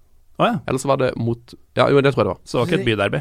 Nei, altså, men det er jo da Haifa Vi kunne jo fått Makabi Haifa mot Makabi Tel Aviv, f.eks., Ja. som vel er kanskje det største. Uh, så, men, Men ingen som heter Jaffa Haifa? Eller Haifa Jaffa? Nei, det var en som heter High Five Nei da. eh, Nei, eh, Nei, det, var ikke, det var ikke noen som heter det. Nei, Nei, eh, men det, det var eh, utrolig gøy. Eh, Men eh, det var jo på en måte ikke Det var ikke ut Det var liksom uh, halvfullt. Uh, men eh, nei, det var, det var gøy, det.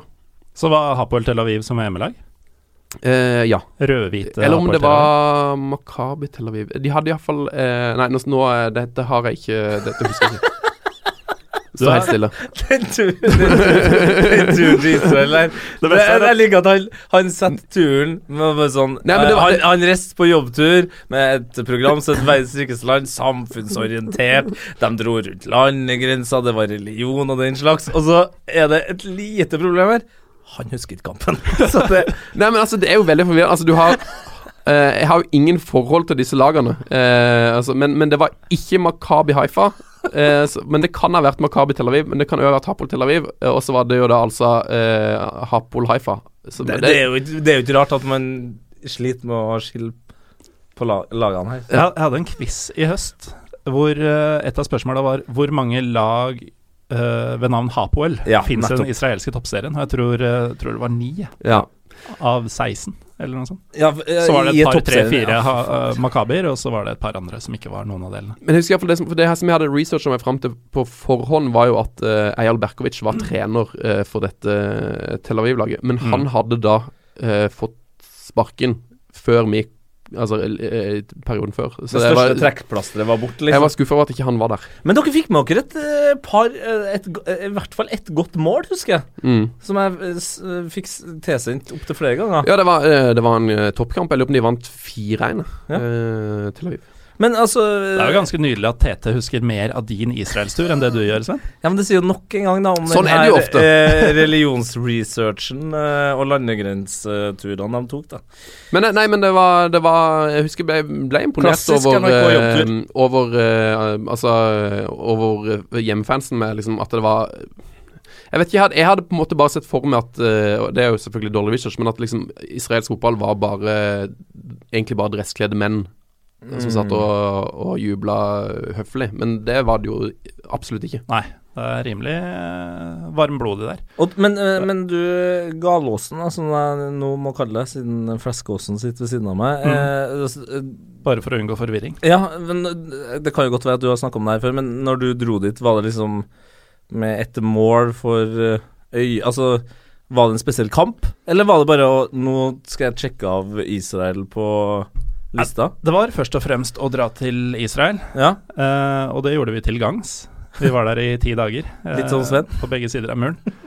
Men uh, som alltid når jeg reiser et sted, så er det om å gjøre å få med seg fotball, og Mm. gjerne så mye fotball som mulig. Mm. Uten at det går på bekostning av andre ting. Da. ja. Så vi fikk med oss eh, gamlebyen i Jerusalem, selv om vi skulle på andredivisjonskamp i Jerusalem.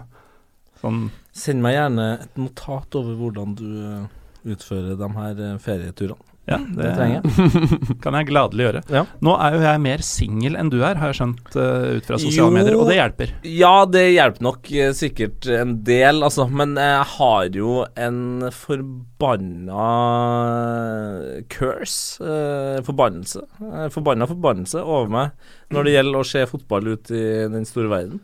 Det, Det- vil seg altså aldri til, med unntak av Ghana, da, som på en måte ikke er Som jo heller ikke gikk så bra. Ja, det gikk jo ikke bra, men så igjen, det er jo på en måte det andre hjemlandet mitt, så det, det skulle bare mangle at jeg skulle få sett fotball der. Men altså Det er nesten som å se fotball i Norge.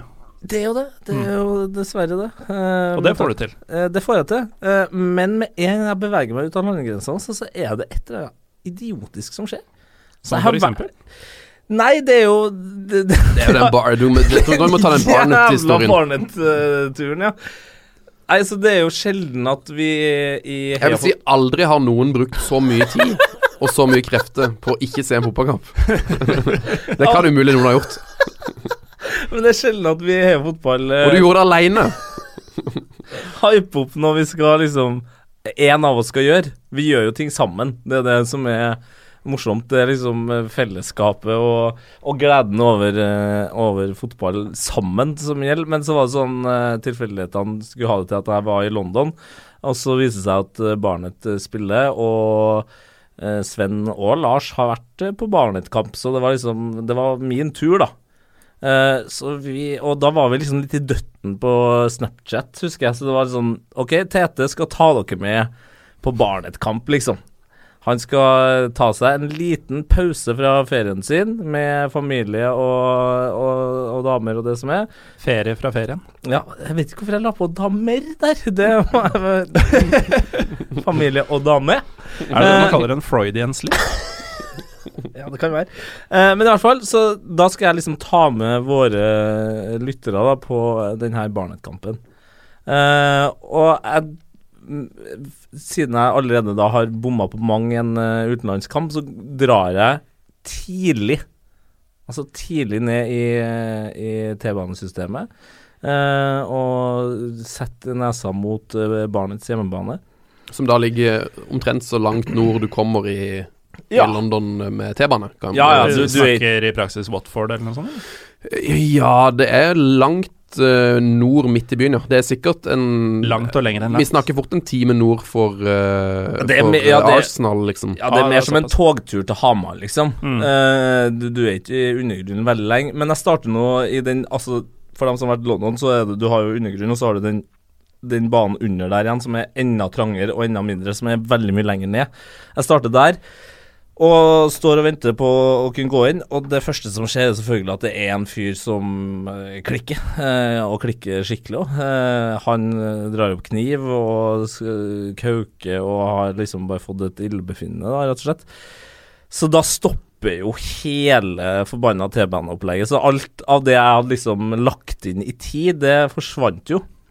Men det er jo sånn typisk da, når du har fått en oppgave, sånn som jeg hadde, da, at jeg skulle liksom eh, dokumentere på Snapchat, så var Har du litt ikke sånn fått den oppgaven? Du hadde tatt på det Nei, det må du ikke. du hadde gitt deg sjøl. Det men Natchaf Lars var veldig eh, insisterende på at jeg skulle eh, gjøre det her. Men da var- tenkte jeg sånn d- Ja, det skjer jo i hvert fall nå. Kan jeg jo fortelle det her til folk eh, når det roer seg ned, da. Som det heldigvis gjorde. Eh, og så setter jeg meg da endelig på T-banen og durer nordover. Og så er det noe bytte av T-bane, og så kommer jeg på nye. Og så Nå sitter jeg liksom Han ene duden på T-banen eh, og liksom som sitter og snakker i Snapchatten, bare liksom ustoppelig. Mm. Altså, jeg er han drittfyren som også ikke snakker engelsk. Altså, du ser at folk irriterer seg over meg Du er han med en sånn powerbank eh, godt kobla inn til iPhone og Du er han japanske bloggeren som sitter på Fridays Åh, og reklamerer for Hooch. Jeg er en Hooch. så døv fyr, da. Som, Også i England, da, hvor kutyme går foran alt i de situasjonene. Ikke sant? Og, og så er jeg jo så gira, for at jeg er sånn Hele premisset her er jo at jeg endelig skal få sett en kamp i England, altså, eh, som jeg har vært allerede da i fem-seks ganger, sant? og aldri fått sett en kamp. Og så, si- og så sitter jeg der, og så er jeg liksom mellom noe av snappinga, så går jeg liksom på Google Maps og bare skal bare se hvor lang tid det tar å gå fra T-banestoppet til, til barnet sin hjemmebane. Og innser jo da at jeg har jo selvfølgelig Altså, jeg sitter jo på vei til barnets gamle hjemmebane. Å ja. Ja. Eh, god gamle Underhill er jo nå eh, historie. Så det var Underhill har blitt Undertaker. Du er, Eh, på, du er på, i ferd til å reise opp til et nytt eh, boligkompleks, du antageligvis. For det, ble- jeg tror det blir sikkert leiligheter der. Det er det det er et kryss. Ja. Det er et slags kryss. eh, men jeg tror jo og håper at jeg liksom kan rekke andre omgang, da. Eh, hvis jeg da snur, og så må jeg ta bytte en T-bane til. Og fortelle det her til, til dem som følger med på Snap. Og så Ikke så mange som følger med på Snap på dette tidspunktet. Nå begynner Tallene begynte å gå ned nå. Kraftig ned. Ja, det fortere skal det gå ned. Eh, Idet jeg da bytter T-bane, så ryker jo linja. Eh, altså ikke mobillinja, men T-banelinja. Og der ble jeg jo eh, sittende. Og, og man bare liksom jeg, bare, jeg husker jeg ble så i forbanna. Altså, jeg var bare sånn Så jeg sendte på Jeg tror jeg, den siste snappen var sånn Nei, det her gikk ikke. Jeg rekker ikke kampen. Altså det, og, og, og sånn har det vært da, siden. Altså, jeg får ikke skjedd fotball i utlandet. Det er umulig. Men du sa du hadde vært i England allerede fem-seks ganger uten å se kamp før dette skjedde. Ja.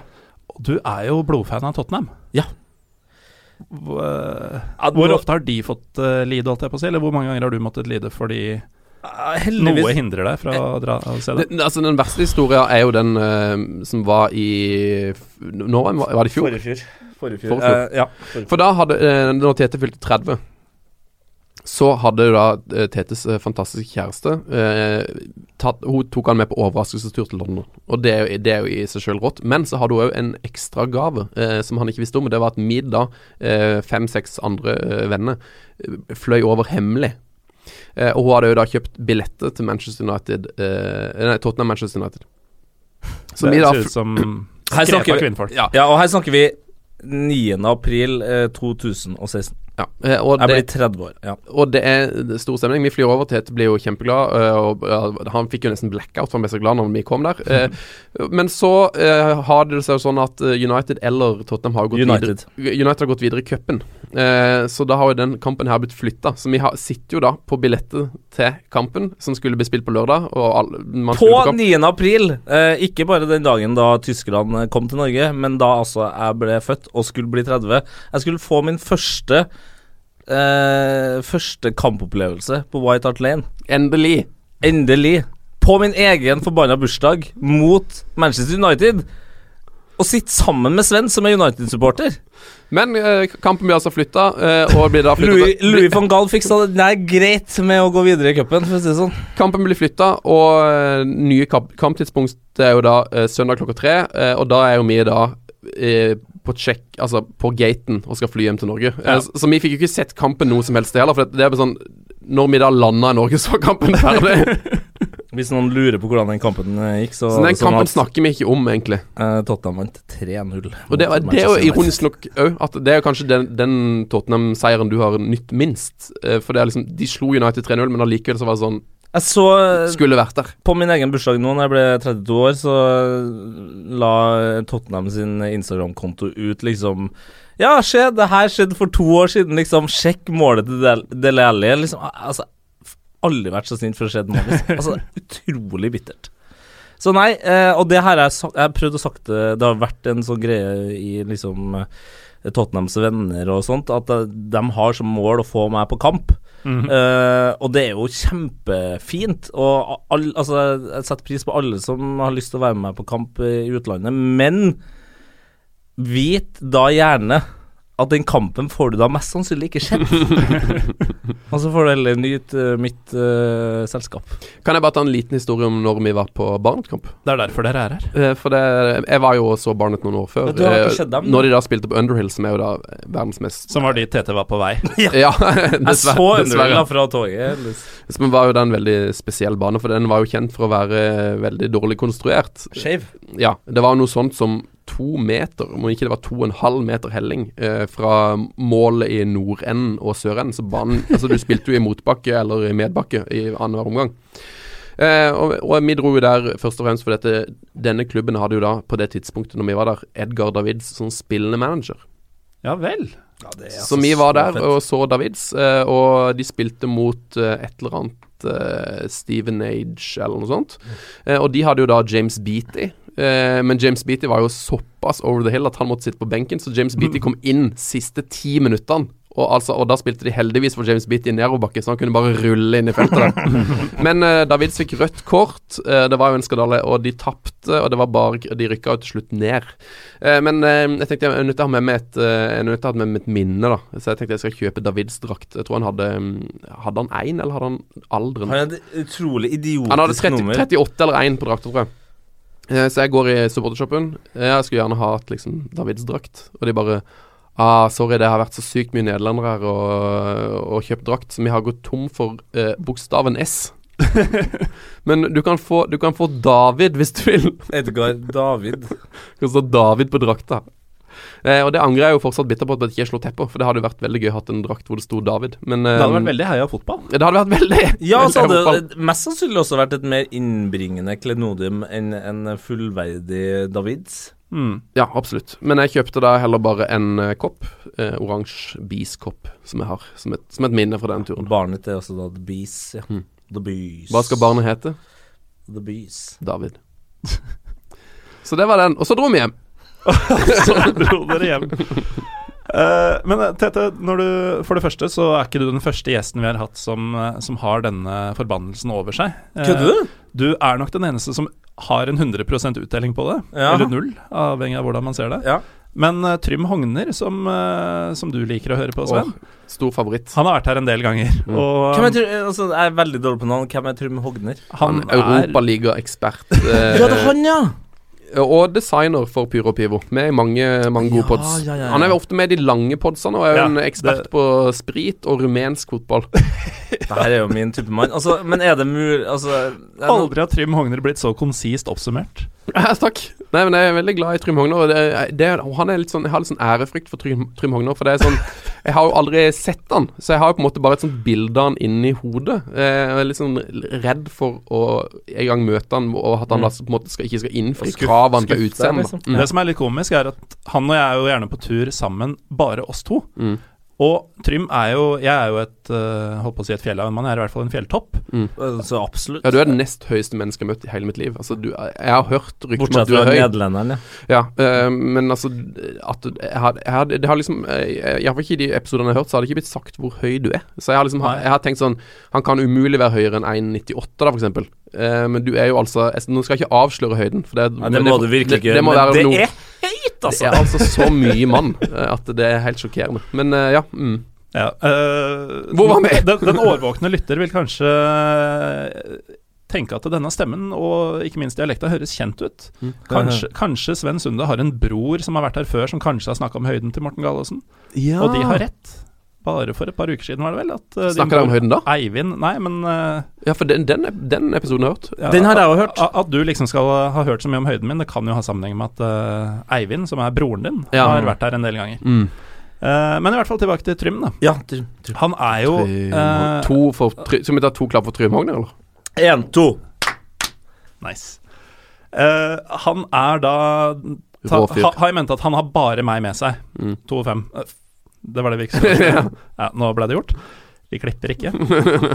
Nei, men jeg hørte ikke hva du sa. Så, så ved siden av meg så har du han som er 1,97 og dobbelt så brei. Og det er, det er de to eneste i reisefølget. Uansett hvor vi går, så er det to monstre liksom, som kommer gjennom dører og setter seg i flyseter osv. osv. Uh, uansett, han har da prøvd å se veldig mye fotball. Han har fått med seg en god del fotball, for han reiser ganske tett, mm. og har eh, reist ganske tett. Men han har eh, gått glipp av fryktelig mye fotballkamper. Eh, Blant annet gikk det utover meg for drøye fire år siden. Det var ikke bare Trym sin feil, da. For vi skulle til Kiev og se Dynamo mot eh, Sjaktar Donetsk. Det er klart, det skal man jo. Det, Ja, men det syns jeg høres ut som en Ikke for en mørk mann som meg, kanskje, men det høres ut som en god, en god kamp. vet du, det er et forbehold jeg dessverre syns du bør eh, ta. Ba- ja, For det, det var en fyr på stadion der Ja. um, som hadde på seg en T-skjorte med Dynamo-logoen Mm. og et hakekors. Ja, Og så sto det White Boys Club. Og han var ikke noe uglesett. Han gikk rundt og hilste på alle og var Mr. Papillon. Han var kosen, han, liksom. han, han var en helt vanlig fyr. I Ja, men gangen. hvis jeg drar dit uh, tett opp mot uh, desember, da, da Eller kanskje egentlig etter jul, uh, da er jeg ganske grå, eh, og jeg har jo mine uh, Mayhem-skjorter og den slags med norske, fine Uh, skjold på, Mm. Uh, så da kanskje det går. Sa du akkurat at du blir grå om vinteren? Ja ja, veldig grå. altså, hvis jeg Det blir drar jeg òg. Ja, Gjør du det, ja? Grå og rød. Helvete, gråsen. Syke. Men jo, eh, men, men, altså, nå tror jeg kanskje jeg avbryter deg egentlig, men han eh, Trym her og jeg bør jo Dra på tur sammen. Ja. Ja. Fordi jeg tenker jo at uh, ja, hvem klarer å fucke opp mest? Nei, men Ja, minus, minus, minus, minus, pluss. Det kommer til å få sånn der gratisbillett ekstrakamp ekstra kamp og sånn. Vi kommer til å sitte i eh, på den nye Spurs-stadion, altså New White Hart Lane, uh, i en VIP-losje eh, sammen med min far, da, som plutselig dukker opp der, og sir Alex Ferguson eh, og en ung Sven Biskud Sunde. Og you. Og Hæ? You. You? Han walisiske Ja, speideren. Hugh, ja. Min venn Hugh. Ja. Herregud, nå d- refererte liksom en av uh, Ayu-brødrene. Å ja, nei, nei, nei, nei, nei, nei. nei, nei, nei, Ok. Ja, men uh, Lang- koble meg gjerne opp mot uh, Trym. Det, det skal vi nok få til. Ja, ja. Lang historie kort, så, så er det ment at denne kampen skal gå på um, Jeg vet ikke om det ble en lang historie kort, om det går an å si det. Ja, men jeg har jo ikke fortalt noe særlig Nei, historie. jeg har avbrutt, men altså Tidsspennet blir langt, da. Men i hvert fall uh, Denne kampen skal da gå på det som var EM-finalearenaen i Kiev uh, i 2012. Vi er nå i februar 2014. Ja. Og Donbass, eller? Nei, i Kiev. Ja, hva heter den? Uh, Olympiski. Olympisk. Olympiski. Var det finalen som gikk der? Ja. Men Don, hva med Donbass? Det, det var åpningskampen eller noe sånt? Det det? må være tøft å være programleder. Eller, eller, eller, eller var det i Warszawa-finalen gikk? Ja, det kan godt være, ja. ja nei, Eh, En av de to. Åpningskampen eller finalen. dette kan du klippe, selvfølgelig. tror det var finalen. uh, det er venta fullt hus. Ja. Og en uh, med hakekors. Ja. Og- Eh, men uh, dette er jo da Den langhelga vi er der, er i dagene mellom at Janukovitsj har rømt landet, Mm. Mm. eh, etter mange måneders eh, delvis blodige demonstrasjoner. Eh, og rett etter at vi dro hjem, så ble Krim annektert. Så det var jo et land mellom holdt på å si borgerkrig og faktisk krig, eller mellom revolusjon og borgerkrig, faktisk krig. Og der kommer Et norske Bamse 1 og Bamse 2. Ja, vi skulle på fotballkamp. Naturligvis så ble jo all fotball innstilt i landet. Ja. Og, og det er den gangen jeg har gått glipp av fotball. Det var da jeg var med han. Mm. Minus uh, Polen, om du vil. Uh, og- elektrone. Du og Trym burde reist til Syria for, eksempel, for å se fotball. Så vil jo kanskje Bli fred. Blir plutselig ligaen der være, bli åpna hvis Ja, minus minus virkelig ja, blir jeg tror nok vi kanskje må dra på en kamp som er satt opp, men uh, vi kan jo starte i det små, da. Mm. Uh, om vi da liksom uh, drar til et sted som eh, har slettet med dårlig vær, eller noe sånt, og så kommer vi. Været blir bra.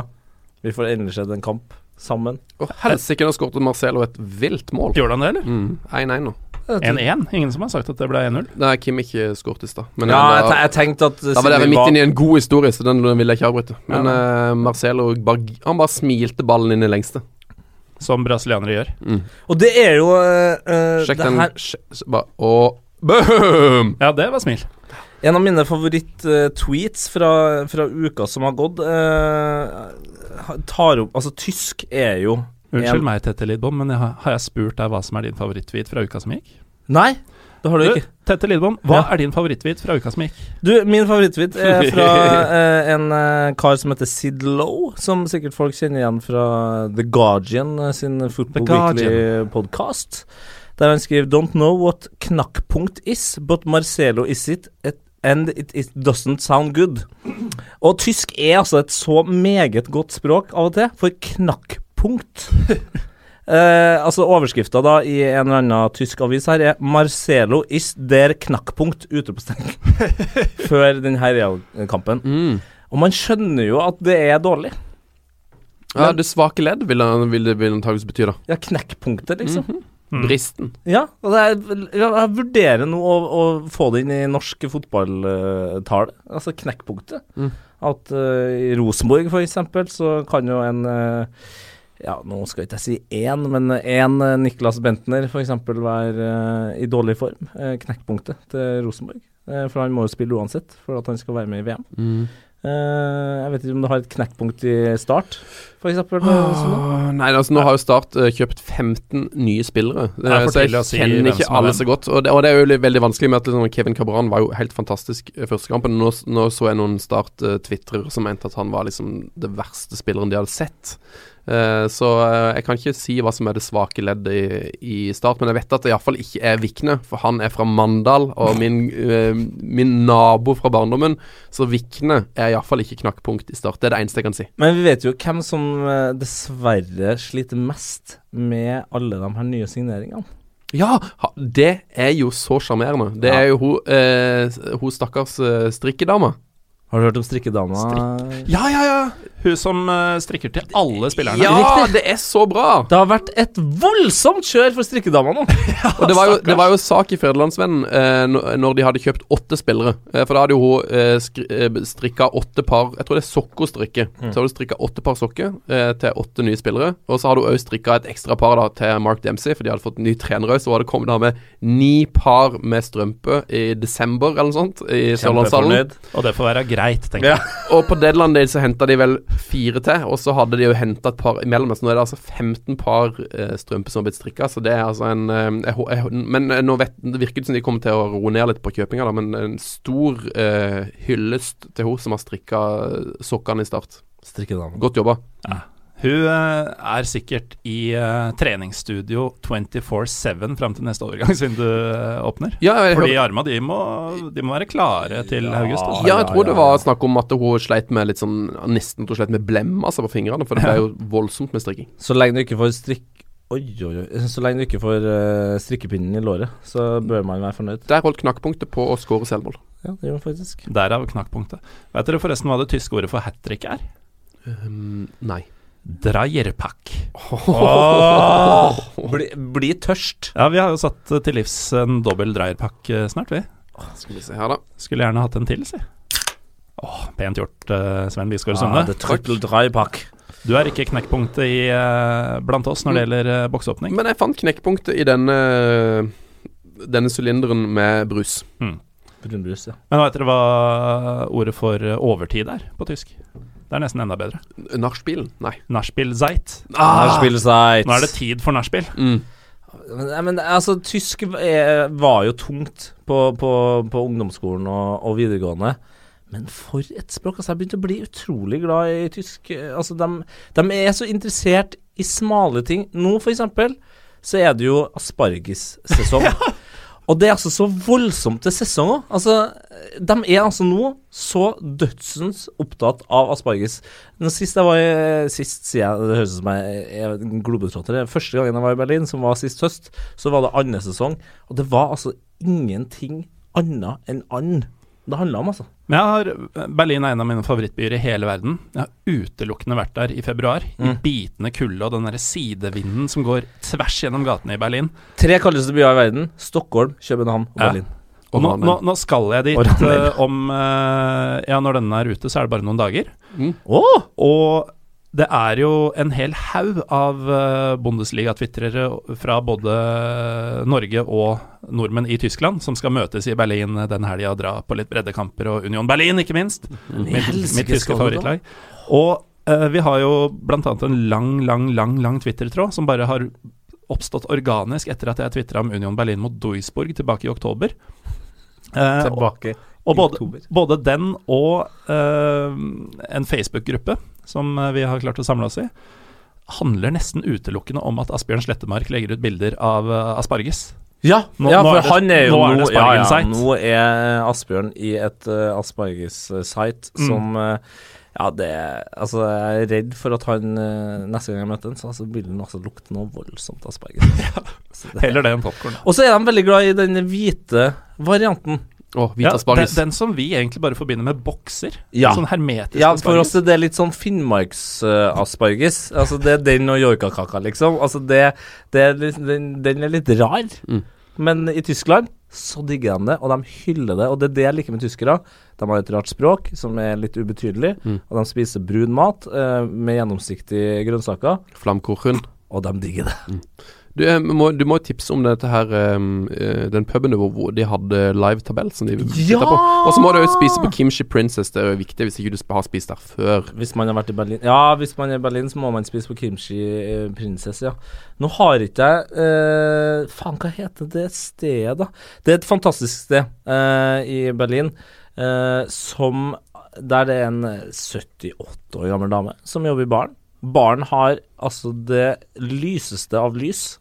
Eh, selv om du kommer dit klokka to på natta, så er det liksom sånn ordentlig lyst, for at der sitter gutta boys og leser uh, eh, fotballaviser Mhm. og koser seg. Og så har hun en analog sånn magnettabell av Bundesligaen Så nydelig. bak, bak baren. Altså, det er et sted for Jeg må finne ut hva det stedet Jeg, heter. jeg leter etter det. Nei, jeg, eh, eh, jeg tenkte først på Kokoksei, men det, det er et eh, slags um... Men dette er en idé om at Asbjørn kanskje kan uh, finne for oss. ja, absolutt! Ja. Altså, det er jo en av hans favorittplasser, så det er ikke så viktig hva det heter. Det høres fantastisk ut. Er det en ekk eller en kneipe? Det er nok en kneipe, ja. Uh, mer enn en ekk. Mm. Det, det er jeg ganske sikker på. Hva Men, er eh, forskjellen på ekk og kneipe? Det er jo det store spørsmålet. Hvis vi rekker det. Ja, eh, det eh, tror jeg vi hopper over. ja, da vi. Og så dro vi hjem. Fordi det, jeg kom plutselig på at eh, da vi glemte å snakke om det vi begynte å snakke om for 20 minutter siden Å, herregud. Fordi du sa at du Altså, det har vært mye England, skjønner jeg, Tette. Ja. Har du prøvd å se fotball i andre land uten at det har lykkes? Uh, ja, jeg har prøvd å se fotball i Thailand. Ja. Det Altså, det gikk jo bare ikke. Og det for så vidt Men det er en opplevelse i seg sjøl, føler jeg. Eh, Å prøve? Ja, å prøve. Ja. Fordi Thailand, altså, det De slår Ghana og Afrika på, på drakter. Altså, det, alle går i fotballdrakter. I, Mm. Hvert fall hvis du kommer deg liksom ut av uh, um, På en måte sånn turiststeder, da. Så er det det folk går i. Og så har jeg prøvd i Kambodsja, men uh, der Og der er vel nå Fader, hva med det, da? Det er en eller annen stor stjerne som driver et lite akademi der. Men der var det også Altså, det er vel sånn transport Det er alltid transport, da, som gjør at det, det vil seg virkelig ikke. Jeg har eh, prøvd i Sverige. Der ble det bare UFC. Var storfornøyd med det, liksom. Eh, og da eh, England, Skottland Å, Skottland. Eh, og Danmark. Spania har jeg vært Altså, jeg har vært i Barcelona Har det lykkes, mislykkes hver gang, eller har du fått hver gang. hver eneste gang? Jeg har vært i Barcelona Uh, seks Ja, men det er, det er jo ikke sånn at du har kjøpt kampbillett og det har mislykkes. Men det er jo det at Men det jo, har det er, flere, det er flere ganger det har skjedd uh, på liksom mindre kamper, og, og transporten ikke funker. Men sånn Barcelona, for eksempel, da, så er det sånn Der har jeg vært sju ganger. Uh, og fem av dem så har verken Español eller Barcelona spilt kamp. Noe som er ganske vanskelig å få til. Mm. Så det er selvfølgelig dårlig planlegging fra min side. Eh, og den ene gangen de spilte, så var det Barcelona som spilte cupfinale.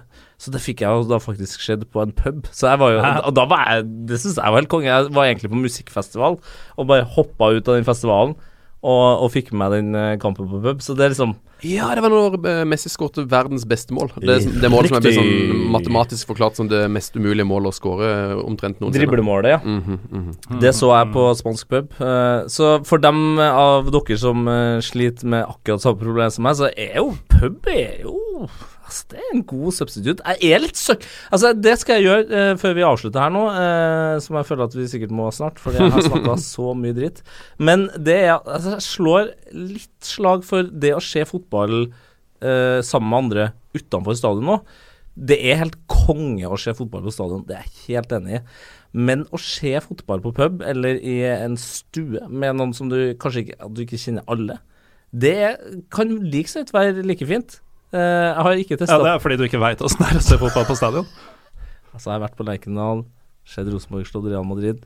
Det er gøy. Men i stua eller i en pub, Mm. i Kambodsja f.eks., på stranda i Thailand, det er vakkert. Ikke, ikke se på deg sjøl som et mindre menneske, selv om du ikke Selv om du måtte til takke med puben eller stranda. Nei, Det er noen av oss som kanskje passer best der, da. Men det er fair. Ja. Eh, du har vært litt heldigere, Sven. Du har i hvert fall hva blir det, seks land du har sett fotball i utenom Norge. Ja. Um, Wow! Ja, det begynner å bli bra nå. Jeg er det er litt for dårlig, holdt jeg på å si. Uh, ja, men eh, det begynner jo å bli noen. Litt for dårlig, hold på å si, og så ser du rolig på meg. nei, nei, men det er sånn Og så blir alt bra. Ja, så blir det veldig Men jeg hadde jo en ganske lang periode hvor jeg liksom ikke Fotballinteressen min døde litt fra mm, eh, 2000 og kanskje sånn 2005-2010-ish. eh, Hvor jeg liksom Jeg var jo i masse steder hvor jeg burde kunne sett fotball, eh, men ikke hadde liksom interessen nærme nok hjertet til å gjøre det. eh, hvor jeg burde gjort det. Blant annet vært i Warszawa, eh, hvor noen av kompisene mine dro på kamp, eh, hvor jeg, ikke, hvor jeg ikke gjorde det, som jeg angrer veldig bitter på. Hva var eh, tanken bak? å ikke se det. Ja. Nei, da var, var det litt sånn eh, vi, hadde, vi, var, vi var i Warszawa i to dager, og jeg bare Mm. ville ligge på hotellet og kule han. Det var, Eh, det var dag to. Vil teste, ja, vil teste bassenget. Men, men det her, det her, her, eh, siden vi har en podkast sammen, så stiller jeg veldig sjelden spørsmål til Sven. Det skal du få lov til nå. Eh, Kan, er det Ja. greit? Eh, for da skal ikke jeg snakke så lenge, nemlig. Jeg skal bare stille et kort spørsmål. Eh, Hva er favorittstadion du har sett kamp på? For jeg er Åh. veldig glad i fotballstadion, selv om jeg aldri Mm. er og ser kamp.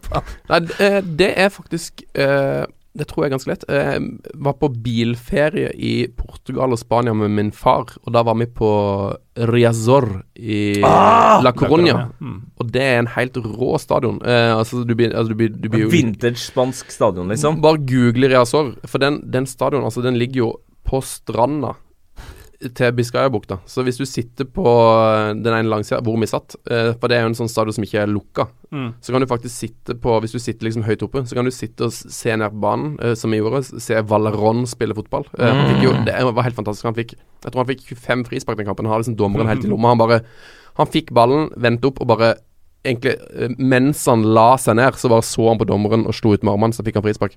Eh, men da kan du da sitte der, eh, og der i Spania så selger de jo um, vin og sigar og sånn på tribunen. Og så kan du sitte og drikke vin og røyke sigar og spise sånne der eh, spanske nøtter og se utover Biscayabukta. Er det solsikkefrøa? Ja. Mm. Åh, men det funka sikkert bedre enn da vi så Molde Sevilla. Mm. Eh, og, og prøvd For når du sitter bak i stadion, så kan det nesten skje på, på Sunnmørsalpene.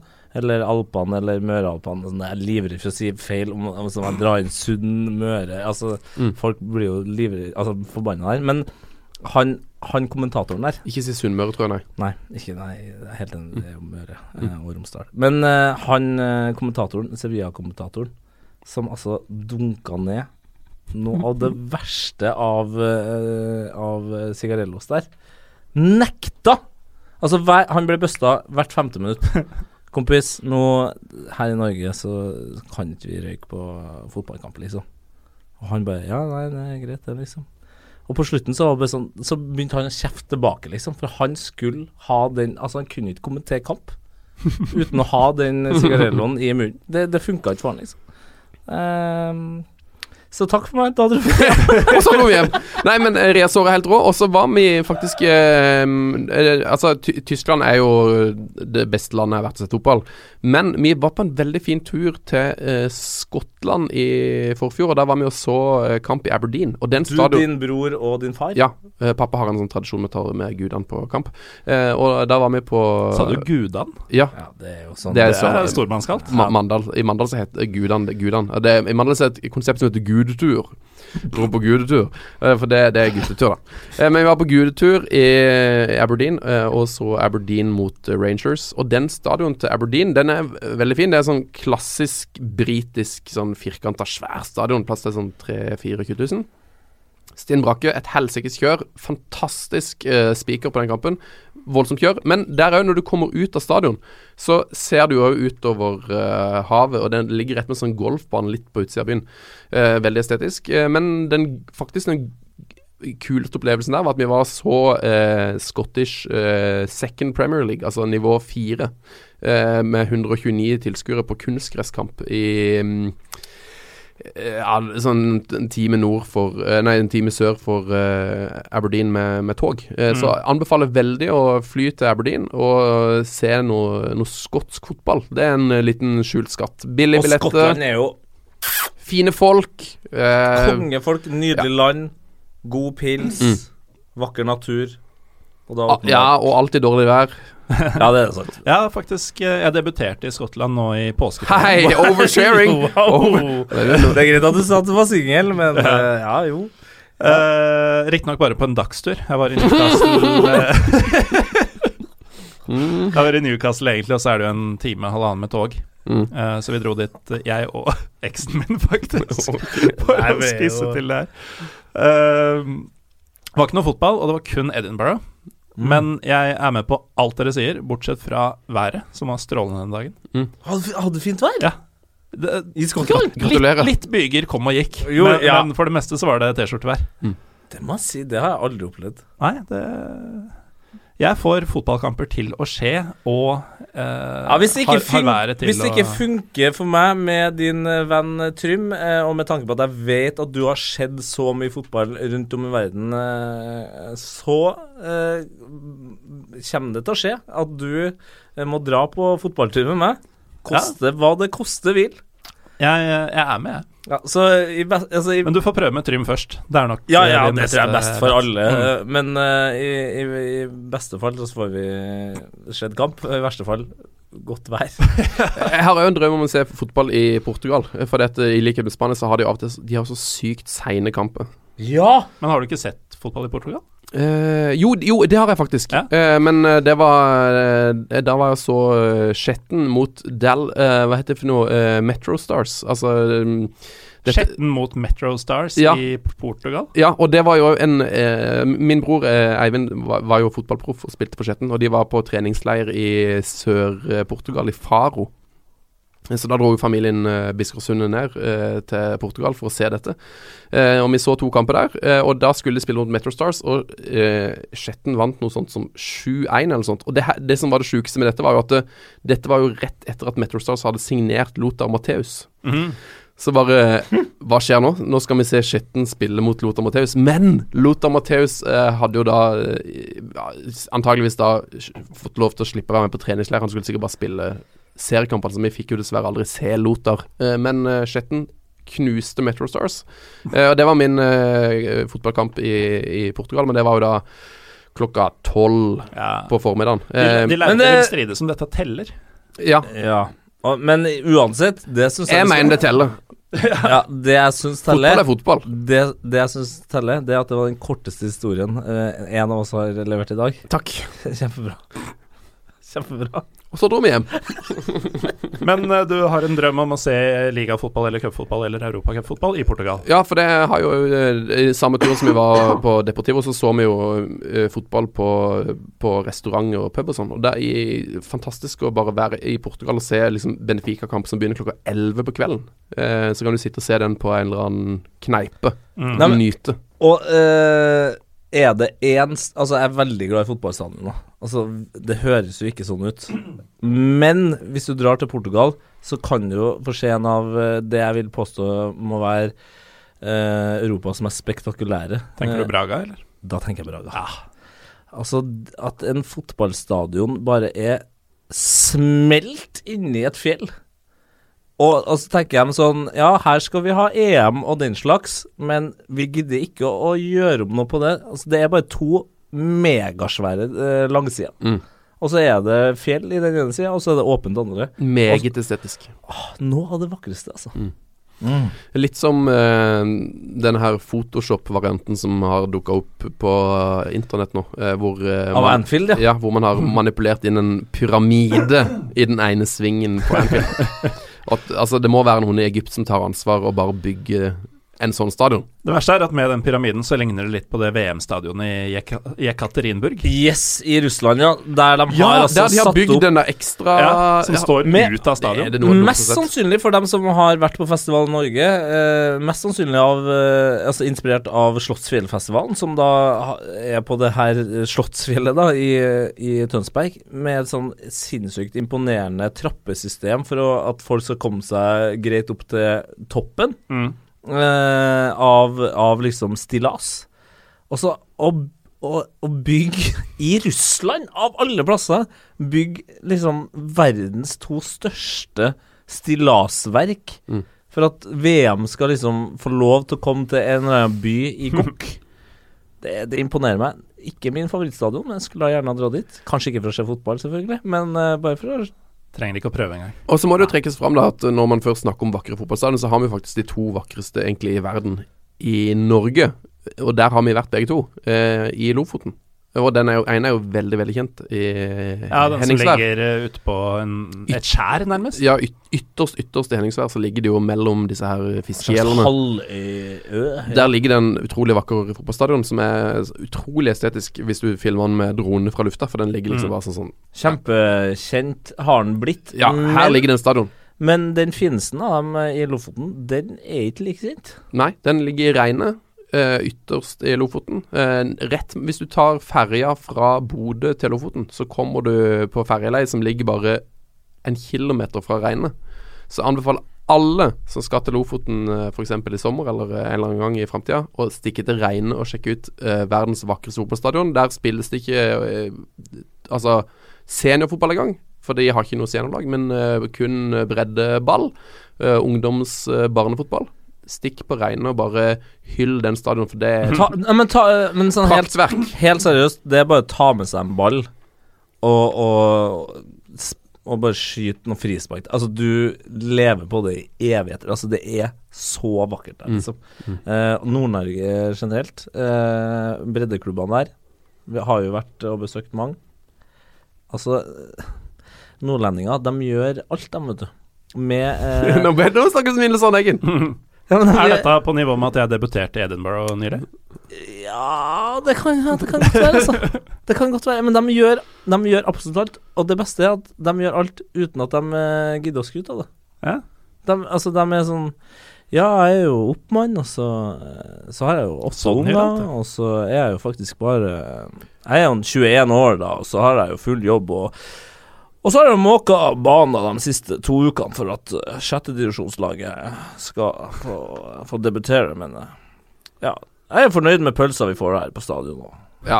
Men, men, greit, men nå må jeg liksom. gå, for jeg, skal, jeg må gå i kiosken. Eh, Det, var, det her er jo da sånn re, trodde du måtte gå. Det er en reell fyr vi møtte, som da altså hadde brukt hele påska på å måke banen. Så det var jo to meter, altså nesten tre meter høy brøytekant rundt hele banen. Han måka hele banen alene. Altså jeg har brukt 300 timer på å banen. Det var 30 000 dekar millioner eh, liter med snø som han hadde flytta. Han hadde måka alt, eh, og så hadde han jo da jobba i kiosken, eh, og var jo typisk trener for to lag.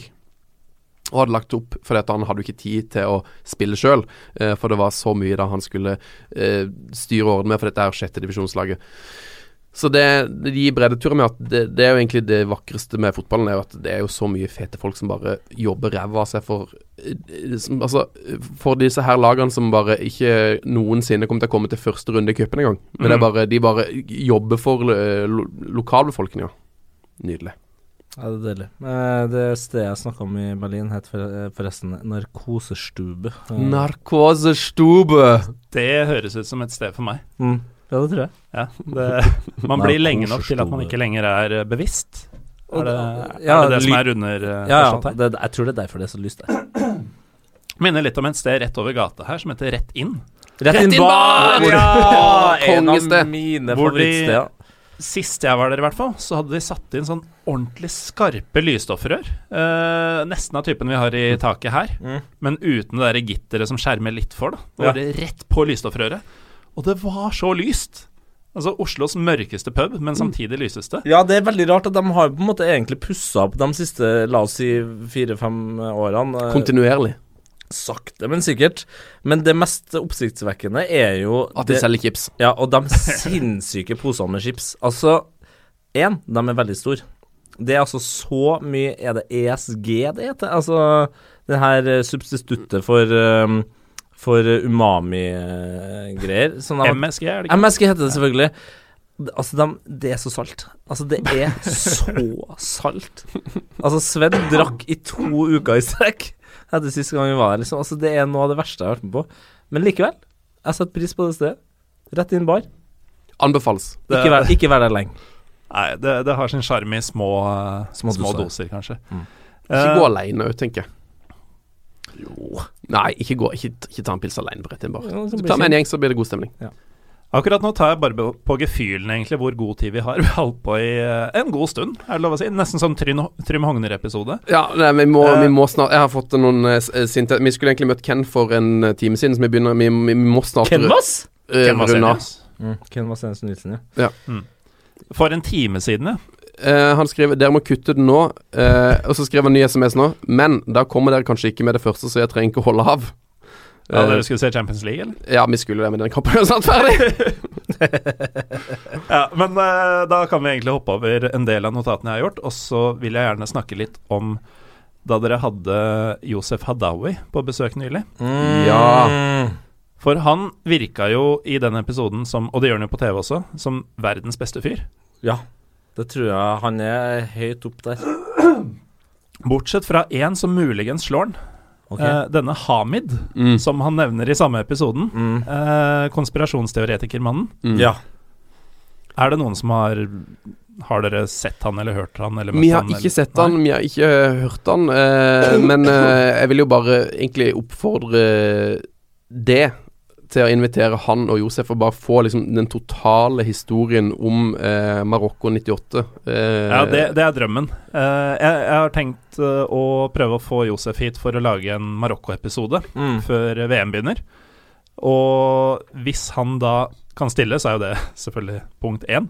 Kan han i tillegg få med seg denne Hamid, Ah, da er vi sikra gull. ja. Ja, det er helt fantastisk. Og hele, hele det her konseptet eh, Altså, det er nok en gang innenfor det at Tete Lidbom aldri ser hele kamper eller kamper i det hele tatt. Altså, jeg så jo bare halve Norge-Brasil Nei, Norge-Brasil. Eh, men å få vite da hvordan den her ekstatiske norske fotballfolkefesten ble opplevd i Marokko Mm. Eh, og at det selvfølgelig da De hadde lina opp korps, og folk var allerede ute i gatene lenge før eh, eh, Tore André Flo ble dratt i drakta, liksom. Eh, og den nedturen han da fikk da eh, Rekdal selvfølgelig satt straffen i mål Det å liksom få vite liksom den andre sida For det her er, her er det desidert største fotballøyeblikket i Norge. Mens det er det klart lavpunktet i Marokko. Et, et land som har søkt eh, VM nå i, i fire år, eh, eller fire ganger, og aldri fått det. Så er det fortsatt denne kampen. Altså Det er så lavpunkt at det har dukka opp ikke bare én og to og tre, men det er en sånn utallige konspirasjonsteorier for hvorfor Norge fikk lov til å slå Brasil. Mm. Altså Her har vi en dommer som de påstår bl.a. fikk en bensinstasjon eh, i bestikkelse. Ja, det var vel Bebeto som fikk en bensinstasjon i Det var Bebeto som fikk ja. Men- Dommeren fikk jo selvfølgelig Ja, flere fisk. tonn med fisk. Flere tonn med fisk. Det, det har jo alle bruk for. ja. Selvfølgelig. Åh, Og vi, vi pirka jo vi, vi pirka jo bare i fire tonn med fisk, liksom. Vi pirka jo bare i overflaten på dette. Eh, men Mm. Josef sa at det finnes jo utallige konspirasjonsteorier. Så jeg, vil, jeg, jeg kunne gjerne likt å hørt bare halvannen time med kun konspirasjonsteorien om hvordan eh, Norge da orkestrerte eh, dette her eh, seieren mot eh, Brasil, finansiert med oljepenger og, og fisk og bensinstasjoner. Ja, så Hvis denne episoden blir noe av, så blir det siden en halvannen times tid med konspirasjonsteorier. Mhm. Eh, og mot slutten så blir det fem minutter cirka med krangling, fordi jeg kommer til å hevde at uh, rumenske haji var bedre enn marokkanske haji. oh. Og da kommer episoden til å ende ganske brått, tipper jeg. Jeg tror den kommer til å ende på YouTube med den brassen til Haji. Uh, marokkanske Haji. Ja, men da svarer jeg med hele den- VM 94-krønikaen til SVT, Ja, det er bare kvart, kvartfinalemålet, ikke det? Til, Ja. til Georgie Ja. Haji. Og, altså- og gruppespillsmålet mot Colombia, lurer jeg på om det er. What a man. Ja. Eh, Hvordan går det med sønnen hans, egentlig, uten å deraile Det kan jeg fortelle. Yes! Jeg var og så han uh, i uh, vinter. Ja. Mm. Uh, og det vet jo den årvåkne lytter, for vi lagde en hel Romania-episode, jeg og Trym. Selvfølgelig. Den hoppa jeg over. Det, det må jeg beklage. To timer om Romania var ikke, var ikke det du hadde tid til, akkurat. Nå som jeg vet at jeg skal på kamp med Trym, så er det jo det første jeg skal gjøre. Det ble kult å sende en melding til Trym etterpå og si at de siste 40 minuttene av uh, kommende episode handler handler stort sett om han. Hei, Trym. Tok Men uh, eh, Trym, eller? da Nei, ikke ennå. Den andre og siste kampen vi så på den turen, det var da Vitorol, som er klubben Georgie har stifta og eier og er trener i. Det er så deilig å gjøre det, liksom. Ja. Og Jannis, sønnen, hadde blitt henta i vinter, tilbake etter et mislykka Fiorentina-opphold. Eh, kan jo hoppe litt sånn i medias race, eller hva vi skal kalle det. Uh, litt fram og tilbake her. Ja. Uh, for vi fikk jo han Emanuel Rosju, som skriver en del for Josimar bl.a. Mm. Han var jo med oss Så han fikk oss inn på pressekonferansen etter kampen. Og jeg skjønner jo ikke mye rumensk, men det ligner å, altså Det er jo et latinsk språk, faktisk, ah, okay. med litt slaviske influenser. Så jeg som hadde fransk på videregående, plukka opp et og annet ord og skjønte innimellom eh, konteksten, da. Mm. Uh, og tidvis så ble det nevnt Fiorentina og Ceaucescu i samme åndedrett fra Georgie Haji. Og det viste seg i ettertid at han prata om et vanstyre i Fiorentina, som da var skylda for at Jannis ikke hadde fått flere sjanser og ikke hadde lyktes der. Ja. Så han var nå henta tilbake for en slik og ingenting. Og i den kampen vi så, så ligger de under. Det er en dritviktig kamp, de må vinne for å få, få en god posisjon i kampen om playoff, som de har i Romania. Mm. Og han utligner etter at de har kommet under, med feil fot. Dvs. Si han er tofota. Han slo cornerne innoverskrudd fra begge sider. Og en sånn Cas- Carzola-type? Og eh, Så han utligner der, og på overtid, da all lufta har gått ut av Vitorol, på 1-1 fortsatt, så skisserer han da et angrep, en siste kontring, eh, etter at motstanderen har hatt en kjempesjanse. Eh, triller ballen over til en innbytter, som hamrer den i krysset etter 93 minutter eller noe sånt, av 94. Og både Georgie og Janis går bananas. Eh, Den måten han dominerte på altså Jeg vil tro den rumenske ligaen er noen hakk hvassere enn Eliteserien. Mm. Uh, og i tillegg, vi fikk jo møte begge to etterpå, eh, igjen takket være Emanuel. Kombinasjonen av hvor mye han dominerte der, alderen hans og uh, holdningene han viste Fiorentina har driti seg ut. Jannis blir stor. Jannis ist nicht the Knackpunkt of Fiorentina. Eller Vitorol Constanza. Blir han bedre enn Rafik Seknini? Det er jo det store spørsmålet.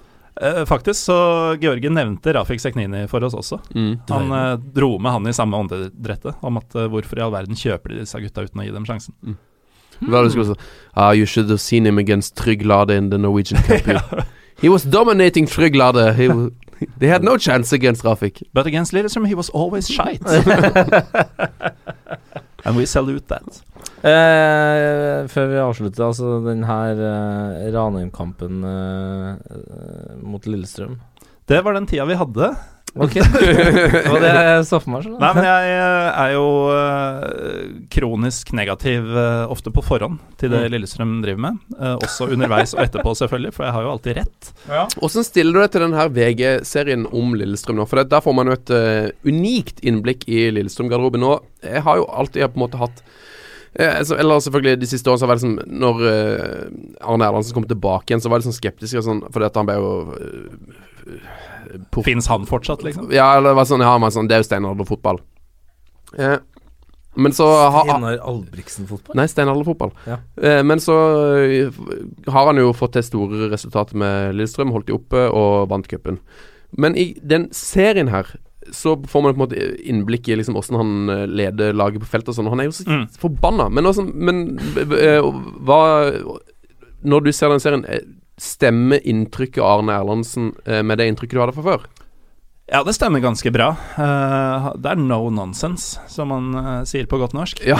Uh, men eh, i tillegg, da, det var vel i dag, tror jeg, i dag eller i går, så um, hadde han jo et klipp hvor han tok inn bl.a. Gary Martin da, Mm. uh, inn på kontoret, og, eller til side, og, og tok en prat med han og beklaga at han hadde vært litt i overkant hard mot han og et par andre spillere. Ja, for de har hatt en røff uh, periode. Ja, så eh, Arne er knallhard, men rettferdig. Det hender at han trenger litt tid på å se situasjonen i et større bilde. Ta et, puste litt med magen og sånn, men det kommer. Mm. Så eh, inntrykket mitt er at de som får beef med Arne Erlandsen, eh, med mindre de er helt idioter, Mm. eh, skværer opp ganske snart etterpå. Og det er jo en grunn til at eh, den gjengen med andredivisjonsspillere i midten av 20-åra kunne både holde plassen og vinne NM i fjor. Det er jo, det er jo en lagbyggertype Arne Erlandsen er, selv om han Eller kanskje fordi han ikke finner seg i dritt. Arne Hendelsen. Men det vi så mot Ranheim, absolutt det verste jeg har sett noensinne i fotball. Og såpass, ja. Ja. Det er gøy, da, at et uh, lite lag fra Trøndelag kan Altså, så må ikke glemme hvor utrolig Altså, en av de mest undervurderte uh, spillerne i norsk fotballs historie akkurat nå, vil jeg nesten si, er jo Mats Reginussen. Uh, som har vært kjempegod for Ranheim i mange mange år, eh, og som aldri av en eller annen merkelig grunn har blitt plukka opp av noen eh, toppklubber. Eh, så det å, det å tape mot Mats Reginiussen eh, føles sikkert rart for Lillestrøm eh, Det var ikke han som var problemet. Nei, men det var jo han som jo Eller det var det jo på en måte, hvis Jo, du ser på resultatet. Men det er ikke, vi tapte ikke mot Mats Reginiussen, føler vi. Vi tapte jo mot en gjeng med folk som skulle på jobb dagen etter. Ja, ja. Og som var på jobb dagen før. Og som har spilt eh, fem kamper på to uker. Jeg, jeg så den kampen med. Trym også, jeg. Ja. Og øh, han sa det ganske treffende. At det virker jo som det bare er å melde seg på uh, Eliteserien. At det bare er en kompisgjeng som har spilt uh, på fritida på Løkka i en bydel i Trondheim, som bare Hei, kanskje vi skulle meldt oss på Eliteserien neste år? Hadde Men det er gøy? derfor Lillestrøm tapte den kampen, for at de tror det. Ja, Trym er ikke representativ for uh, Men det, men det tror er til, det tror jeg er en av grunnene til at Ranheim har gjort så bra. Eh, Det er fordi at både alle klubbene i Eliteserien og alle oss som ser på, tenker at eh, Ranheim de skal ikke spille Eliteserien, det er bare hobbyspillere. Men sannheten er jo det at eh, nå er det én trønder i hele Rosenborg, og det er han eh, Erlend Reitan som ikke får spille engang. Og Det betyr at alle de trønderne som på en måte tidligere var Rosenborg, de er jo nå i Ranheim og i Tromsø og alle disse andre klubbene. Så de er jo veldig veldig gode spillere, men eh, Rosenborg har på en måte Nivået har blitt så annerledes at Rosenborg kjøper spillere fra hele landet. Og Det betyr at alle de gode spillerne som egentlig kunne vært Rosenborg, de er jo nå i Ranheim. eh, Og er undervurderte og sultne og Jævla lei jævla av gira, jobben sin. jævla gira på å bevise noe i Eliteserien. Det tror jeg er en av grunnene til at Ranheim har gjort det så godt. da Gode spillere, undervurderte og sultne. Og så dro vi hjem. Ja, nå er det faktisk på tide å dra hjem, tror jeg. For nå, nå begynner Ken å bli sur på dere, har jeg inntrykk av. Og øh, ja, vi, vi har egentlig mye mer å snakke om, men det kan jo hende dere kommer til Oslo flere ganger. Ja, altså, vi, vi, vi kan gjerne komme hit eh, og fortelle korte, konsise ja, sånn historier med punchlines. vi kan jo vente med å booke oss inn til vi får feedback eh, fra folket. Så hvis, Ja. hvis folk syns dette her var Altså hvis folk fortsatt hører på og syns det var gøy, så si gjerne ifra. Så kommer vi gjerne igjen. Men eh, det blir jo mye vas da når vi, Ja, når vi får og, det jeg, det, men det, og det tror jeg er viktig her, eh, fordi det er vi som er gjester, eh, og vi eh, jobber jo tross alt i Statskanalen. Så hvis man er misfornøyd med den podkasten her, så kan man eh, gå inn på iTunesen vår og skrive det. Ja. Så slipper du å deale med det. Ja, ikke gi, ikke gi to stjerner til Pyro og Pivo. Gå heller inn og så gi de, eh, Til de stjernene til. Heia Fotball. Ja, ja. Og uh, Sven uh, punktum uh, Fleskåsen uh, At etter NRK, NRK.no ja. er åpent 24-7. Mm. Mm. Ja, er du fornøyd da, liksom, eller? Det, det var raust av dere, det der, gutter. Jeg er veldig fornøyd. Ja, men altså, jeg, jeg, jeg, har, jeg har jo vært ærlig her. Jeg har bare hørt eh, to og en halv podkast, altså spredd utover, og jeg, jeg liker det. Eh, så jeg skal gå inn, inn på iTunesen, fem stjerner, skrive en liten tekst. Uten, uten punchline, selvfølgelig. Og ja. Jeg, jeg, har, jeg har ikke iTunes sjøl, men jeg innbiller meg at det er en sånn character limit eh, på reviews. Å nei da, folk skriver i det lange og det hele, altså. Så, så denne korte, konsise kommentaren fra Tete, den eh, Det er ikke Twitter. Nei. iTunes er ikke Twitter. Er det din skyld at Twitter dobla antall Nei, skrift? nei, for guds skyld, jeg kan så vidt å skrive, så det er ikke noe vits å følge meg verken på Twitter eller noen annen plass. Ikke gjør det. Nei, jeg kan ikke skrive. Jeg snakker, jeg snakker bedre enn jeg skriver. Men hvis man liker uh, rockemusikk og litt Ikke skryt av det programmet nå. Nei, det hadde jeg ingen Jeg har aldri hørt det programmet. Men uh, litt sånn konsertvideoer og uh, enkelte skråblikk på samliv og diverse, så følg deg gjerne på Instagram. Ja, Det- der skjer det jo et og annet, selvfølgelig. Ja. det er jo livet mitt. Det er jo, det er jo i hvert fall et liv. Mm. Eh, så der kan man følge eh, hvis man klarer å stave tette litt bom, selvfølgelig.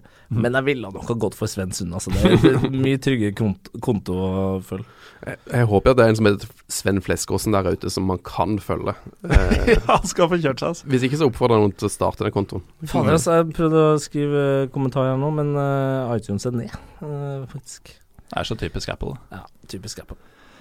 Vel, vi er ved veis ende, tror jeg. Tusen takk til Heia Fotball, personifisert ved Sven Biskår Sunde og Tette Lidbom, for at dere kom. To klapp for Trym Hogner, eller? Ja, det vil jeg si. Én, to. Og tusen Her. takk for klistremerket og button. Jo, for all del. Og Pivo. Eh, minste jeg kunne gjøre. Og Pivo, ikke minst. Mm. Hadde jeg visst, og innerst inne visste jeg det kanskje, men eh, vet ikke hvorfor, så hadde det vært mer pivo i huset. ja. Takk og pris at det ikke er mer pivo, for da hadde, da hadde denne podkasten blitt fire timer lang. Og Sven er gul i øynene, så det Eller rumensk plommesprit. Neste gang. Neste gang rumensk plommesprit. Men da takker også jeg Morten Galesen for meg. Eh, Vi er Pyro Pivopod på Twitter og Instagram. Dere er P3 Heia Fotball på det samme, er dere ikke det? Alle plattformer. Tusen takk for at dere hører på både oss og dere og podkaster og liker fotball. Vi heier på fotball, gjør vi ikke? Det gjør vi. Ja. Fuck off. Fuck off. Fuck off!